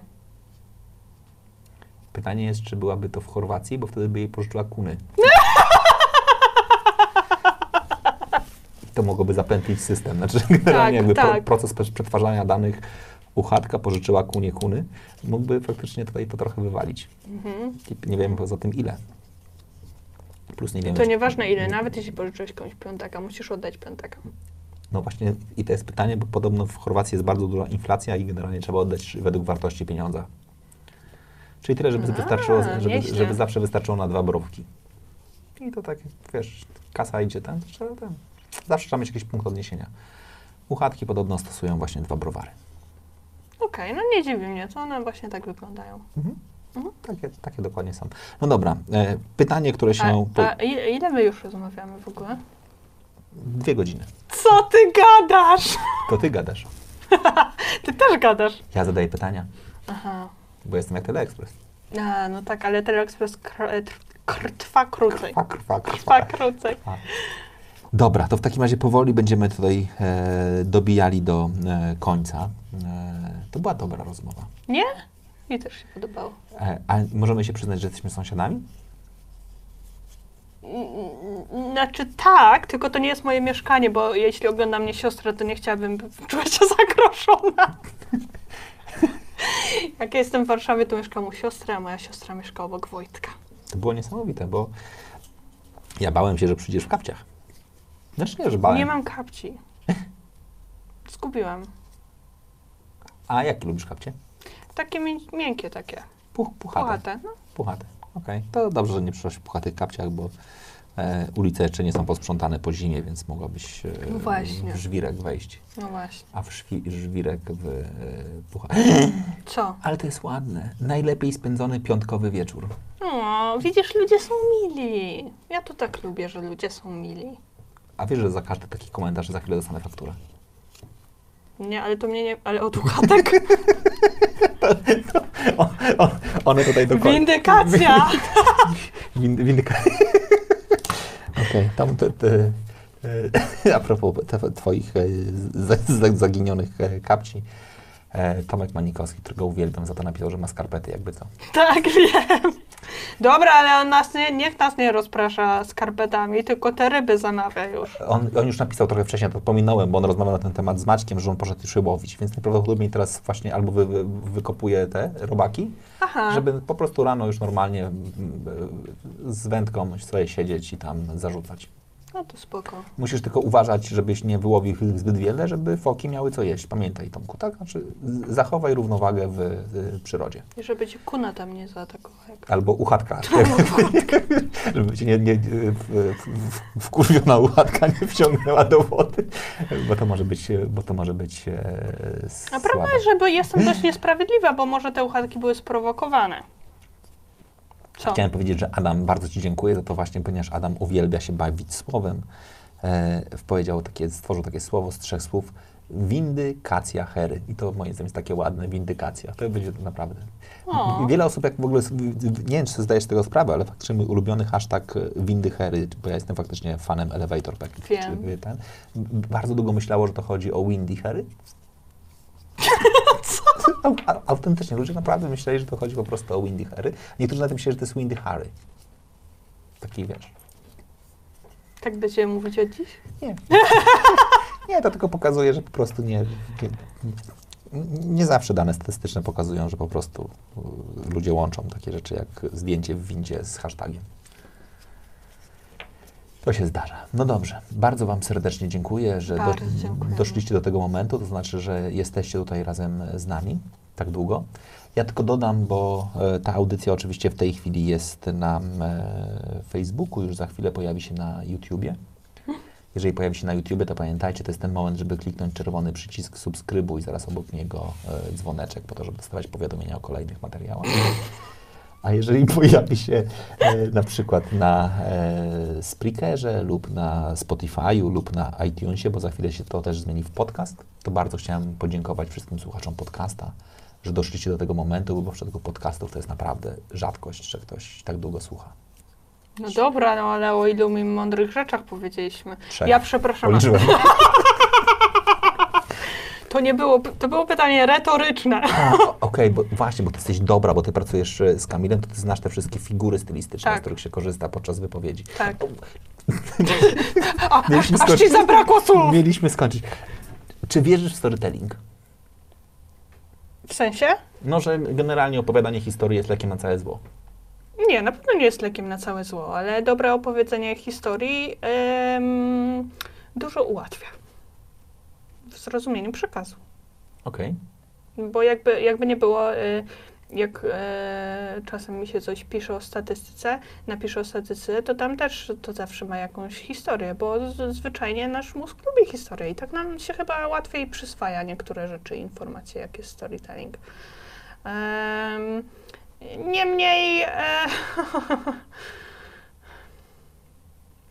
ja się zawsze kłócę z, z Kamilem o to, czy każdy może się nauczyć storytellingu, bo ja mam duże wątpliwości co do tego.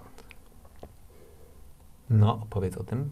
No bo ja wiem, że w, w marketingu teraz to jest, to jest taki od 100 lat zresztą mocny trend i, i, i są e, i, wszyscy powinniśmy się nauczyć storytellingu. E, no jasne, tych struktur możemy się wszyscy nauczyć, no ale myślę, że mamy jakieś tam indywidualne predyspozycje i że zawsze ktoś będzie Kaleczył. kaleczył, że jakby będą momenty, kiedy ktoś będzie używał teoretycznie wszystkich właściwych klocków, ale będzie to wciąż toporne. W związku z tym nie martwcie się. Jeżeli tak właśnie macie, to nie jesteście sami.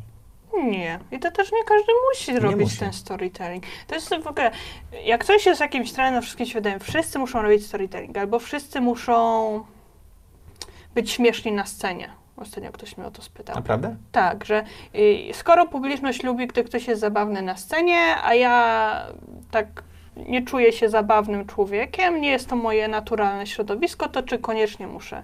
No nie, róbmy to, co, co nam, e, znaczy jasne, no musimy tam trochę ze sobą walczyć, ale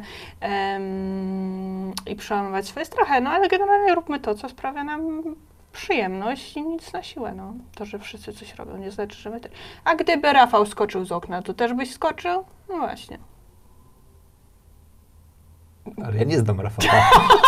Znasz. A, to ten Rafał. No nie, no tak sobie powiedziałam o byle jakim Rafale, no ale wiem, że i tak znasz Rafała, no więc Do- do- nie, ściemniaj. Dobra, okej, dobra. To, to, to, to, to, to jest akurat pewnie e, ta ważna historia. To jeszcze drugi trend, zaraz obok e, storytellingu, to jest personal branding. Masz mocną markę? Wydaje mi się, że tak. Ale w bańkach, odpowiednich bańkach informacyjnych, bo oczywiście są takie bańki, gdzie nie mam absolutnie żadnej marki, ni moje imię, nazwisko, cokolwiek, nic nikomu nie powie, więc owszem, są miejsca, gdzie, gdzie myślę, że mam silną markę, Em, ale są takie, gdzie nikt nie ma pojęcia, kim jestem i to też jest okej, no. Okej. Znaczy ja mam taką moją ulubioną definicję. E, rozpoznawalność jest wtedy, kiedy nie możemy robić głupich rzeczy na ulicy. O Jezu, to ja już jestem Właśnie rozpoznawalna. py- pytanie jest, czy jesteś już rozpoznawalna w związku z tym. Tak, tak. Już nie mogę się zachować jak zwierzę w miejscach publicznych. Ale masz tak czasami, że na przykład ludzie do ciebie podchodzą i mówią, że chci- chciałbym sobie z tobą zrobić selfie, albo wsiadasz do pociągu, a, a widzisz, że tam jest wzrok i tam niby sobie robią selfie sobie, a tak naprawdę widać, że, widać, że robią tobie. Takie creepy rzeczy nie, ale ostatnio jechałam w pociągu obok kogoś, kto mnie poznał i ostatnio jechałam w autobusie do kogoś, kto też właśnie na... Mm, W pociągu siadasz na swoim miejscu, czy na takim najlepszym? zawsze na swoim. Jakbym usiadła nie na swoim, to by był dla mnie taki stres, przysięgam ci. Naprawdę? Przysięgam ci, to byłby taki stres, że ja nawet, nawet nie próbuję. Ale dobra, a czekaj, bo ty, być może właśnie poznałem tę osobę, która jest moim ulubionym bohaterem pociągów. A jak ktoś inny siedzi na twoim miejscu? To zwracam mu uwagę, To ty do mnie przychodzisz i mówisz, panie Wojtku, siedział, usiadł pan nie na swoim miejscu. tak? Jezus Maria, musimy o tym porozmawiać. Dlaczego?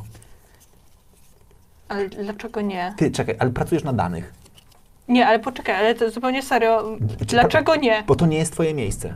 To jest miejsce losowo przydzielone przez y, automat losujący miejsca No siedzące. nie, nie, ale to kurczę. Jeśli każdy usiądzie losowo, i- dobra, jeśli ty usiądziesz na moim miejscu, ja usiądę na innym, a później przyjdzie człowiek i powie, ale pani siedzi na moim miejscu i ja będę musiała wracać na swoje miejsce. Ale dlaczego ten człowiek nie może usiąść na kolejnym wolnym miejscu?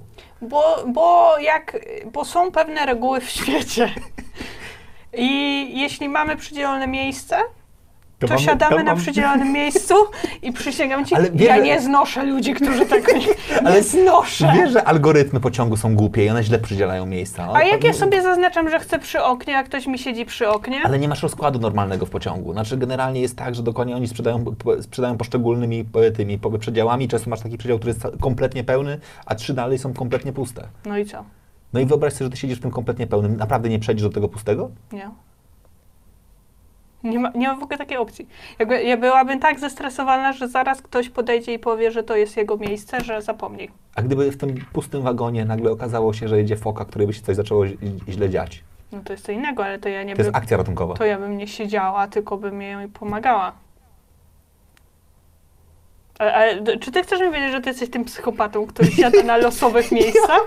Absolutnie nigdy w życiu nie, nie, nie wsiadłem na swoje miejsce. Dobra, u mnie to jest trochę bardziej pog- pogmatwane, bo, bo ja nie mam w ogóle biletu. Ja zawsze wsiadam do pociągu bez biletu, w związku z czym wsiadam na pierwszym wolnym miejscu. E, Czy moglibyśmy się umówić, że nigdy nie będziemy jechać razem pociągiem? Nie, możemy się umówić, że jak tylko Będziesz zobaczysz, na infoszerze? że jak tylko zobaczysz, że jedziesz pociągiem, to będę szybko biegł, żeby cię podsiąść. Ja będę stać nad tobą. Ja nie mogę. To, ale to, to są tacy, są tacy. Ale, ale dobra. Nie, ja jestem, woka- ja jestem grzeczna, ale mówię, że to moje Ale miejsce. je- jesteś na tyle asertywna, że Tak. podchodzisz i mówisz, przepraszam bardzo, to jest chyba moje miejsce. Tak. Bo wiesz, najgorsi są tacy, którzy na przykład stają nade mną, No nie, no wyciągają telefon, dzwonią na przykład, bo ty słuchaj, ktoś siedzi na moim miejscu. Nie, no to to jest bzdura. Oczywiście, że mówię. E, I też e, są tacy ludzie, którzy próbują.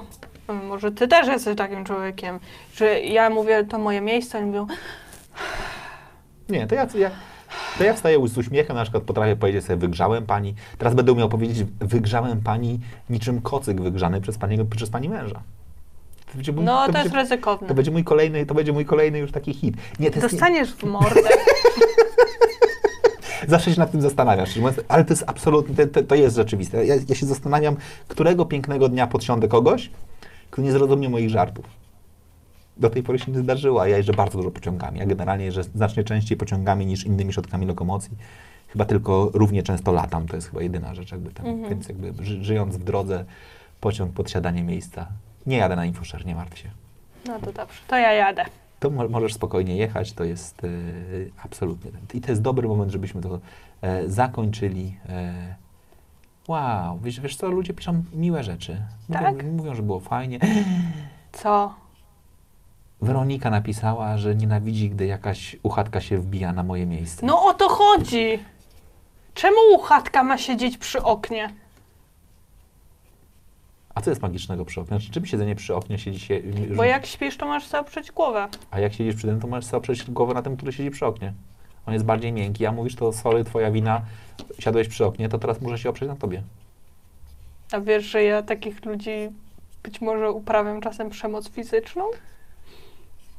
Ale I ich szturcham? i szturchasz budzę? Tak. naprawdę? Tak.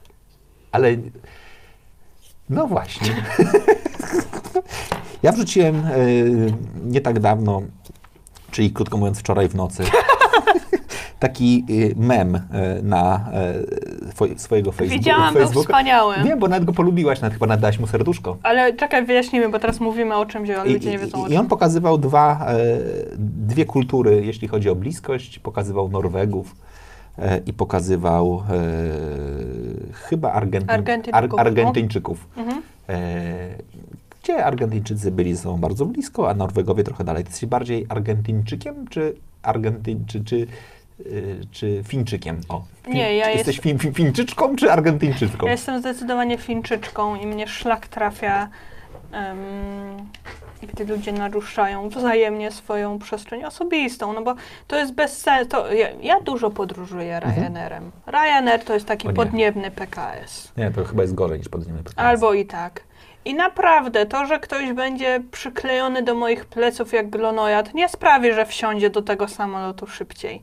Więc mnie szlak trafi, że jak stoimy w kolejkach, to musimy być jak te takie sardynki, wymieszani jak mieszanka studencka po prostu, że non-stop ktoś mi oddycha.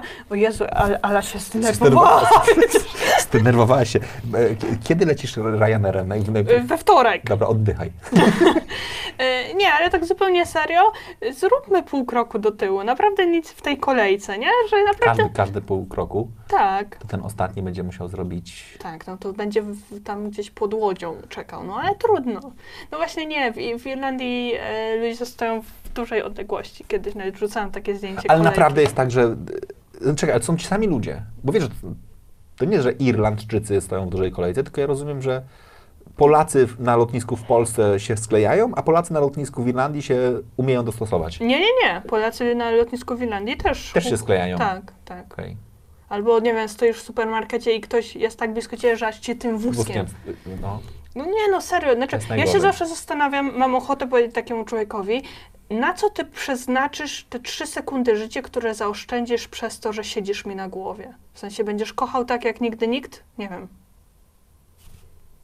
No chyba, że ktoś mi powie, tak, mam bardzo dobry pomysł na to, jak spożytkować te trzy sekundy. To spoko, to niech... A weź to dodaj, dodaj te wszystkie sekundy, które jeszcze oszczędzisz, jak piszesz BD e, zamiast...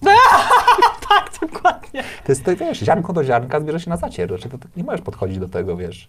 Jezu, może ty masz rację. Trzy sekundy tu, trzy sekundy tu i wiesz. A wiesz, a, a patrz, a za mnie taki debil, jest- mnie non stop brakuje czasu, a Dokładnie, jakbym- a ty po prostu marnujesz No. tu, tu, tu, wiesz, pół kroku więcej do samolotu i, i bach. No, no. Nie, bardzo mnie to denerwuje, jak widzisz. Widzę, Teraz nie zasnę. widzę, przepraszam bardzo, że to ten. E, e, w, w kolejce do katy. Finów i Argentynki. Chyba ty jesteś sam Finów i Argentynki. Argentyńczyczki i Finkowie. To jest jakby No nie, no ja jestem Fińczyczką. Chińczyczką. Mhm. E, z, zrób dzwonek, dostaniesz w mordę głosem Janiny, podpowiada mi. To jest super. To jest to, moim zdaniem połączenie tego dostaniesz w mordę, masz rację, po prostu jest absolutnie takim, Tak. b- b- będzie, e, będzie absolutnym e, hitem. Jak Janina teraz zacznie treningi do maratonu, to No nikt jej w drodze do miejsca nie przegoni. No właśnie. Tak będzie. Ty, dobra, ale zupełnie poważnie. Czy ty ten półmaraton, znaczy war, maraton półwarszawski, czy też półmaraton warszawski planujesz e, ukończyć w hołdzie swoich treningów, czy po prostu ukończyć? Czyli czy faktycznie to zupełnie poważnie chcesz podjąć e, próbę treningową, czy po prostu... Tak, tak, tak, muszę podjąć próbę, bo ja nie jestem szalona, jakby nie uprawiam sportu od 100 lat, więc jakby nie porywam się z motyką na słońce, a poza tym ja lubię być przygotowana do wszystkiego, czym się w życiu zajmuję. I trochę chciałem o to pytać. No, Znaczy, ty faktycznie masz tą potrzebę przygotowania się. tak. Dlatego, że ona mi odejmuje dużo stresu. Mhm.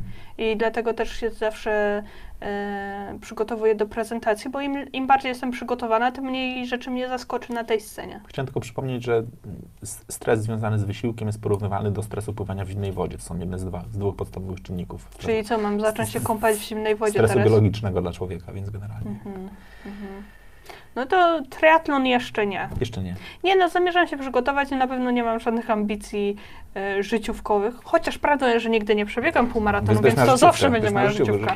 E, ale gdyby mi się udało, to, to nawet nie o to chodzi, udało przebiec półmaraton, tylko że mm, dotrzymać tego zakładu sama ze sobą, że przez rok się przygotuję do półmaratonu, a później go ukończę, to będę z siebie bardzo dumna. I to jest dobry moment na to, żebyśmy postawili kropkę. Tak. Trzymajcie kciuki e, za e, sukces sportowy Janiny. E, półmaraton to jest... e, Maraton półwarszawski. Maraton półwarszawski. E, Pamiętajcie, bądźmy razem na trasie e, i kibicujmy no waste running, czyli żadna zapłacona minuta nie może się zmarnować. Uwielbiam to. Znaczy, nie, nie, znaczy naprawdę, i, i, i zobacz, i to jest, ludzie oszczędzają 3 sekundy stojąc w kolejce, No właśnie, a później, wydają później jak... wydają je jak No. uchatki pożyczone pieniądze. No. Totalnie chciałam powiedzieć, jak u chatki pożyczone pieniądze. Ale musimy kończyć, bo już się syn- zsynchronizowaliśmy mózgami. Dobrze. Dziękuję Wam bardzo. Dziękujemy. Życzymy Wam fantastycznego e, wieczoru. E, Do zobaczenia. E, Zakończmy to i e, bawcie się dobrze. Zakończmy to. Dziękuję bardzo. Dzięki. Gdy zmrok zapada, do głosu dochodzą mocne marki. Herra on Air. Nocne rozmowy o sporcie, biznesie i przedsiębiorczości. Wyjątkowi goście, aktualne tematy. Mówimy jak jest. Bez ściemy, cenzury i kompromisów. Na żywo. Zaczynamy. Cisza w eterze. Oddajmy głos Herze.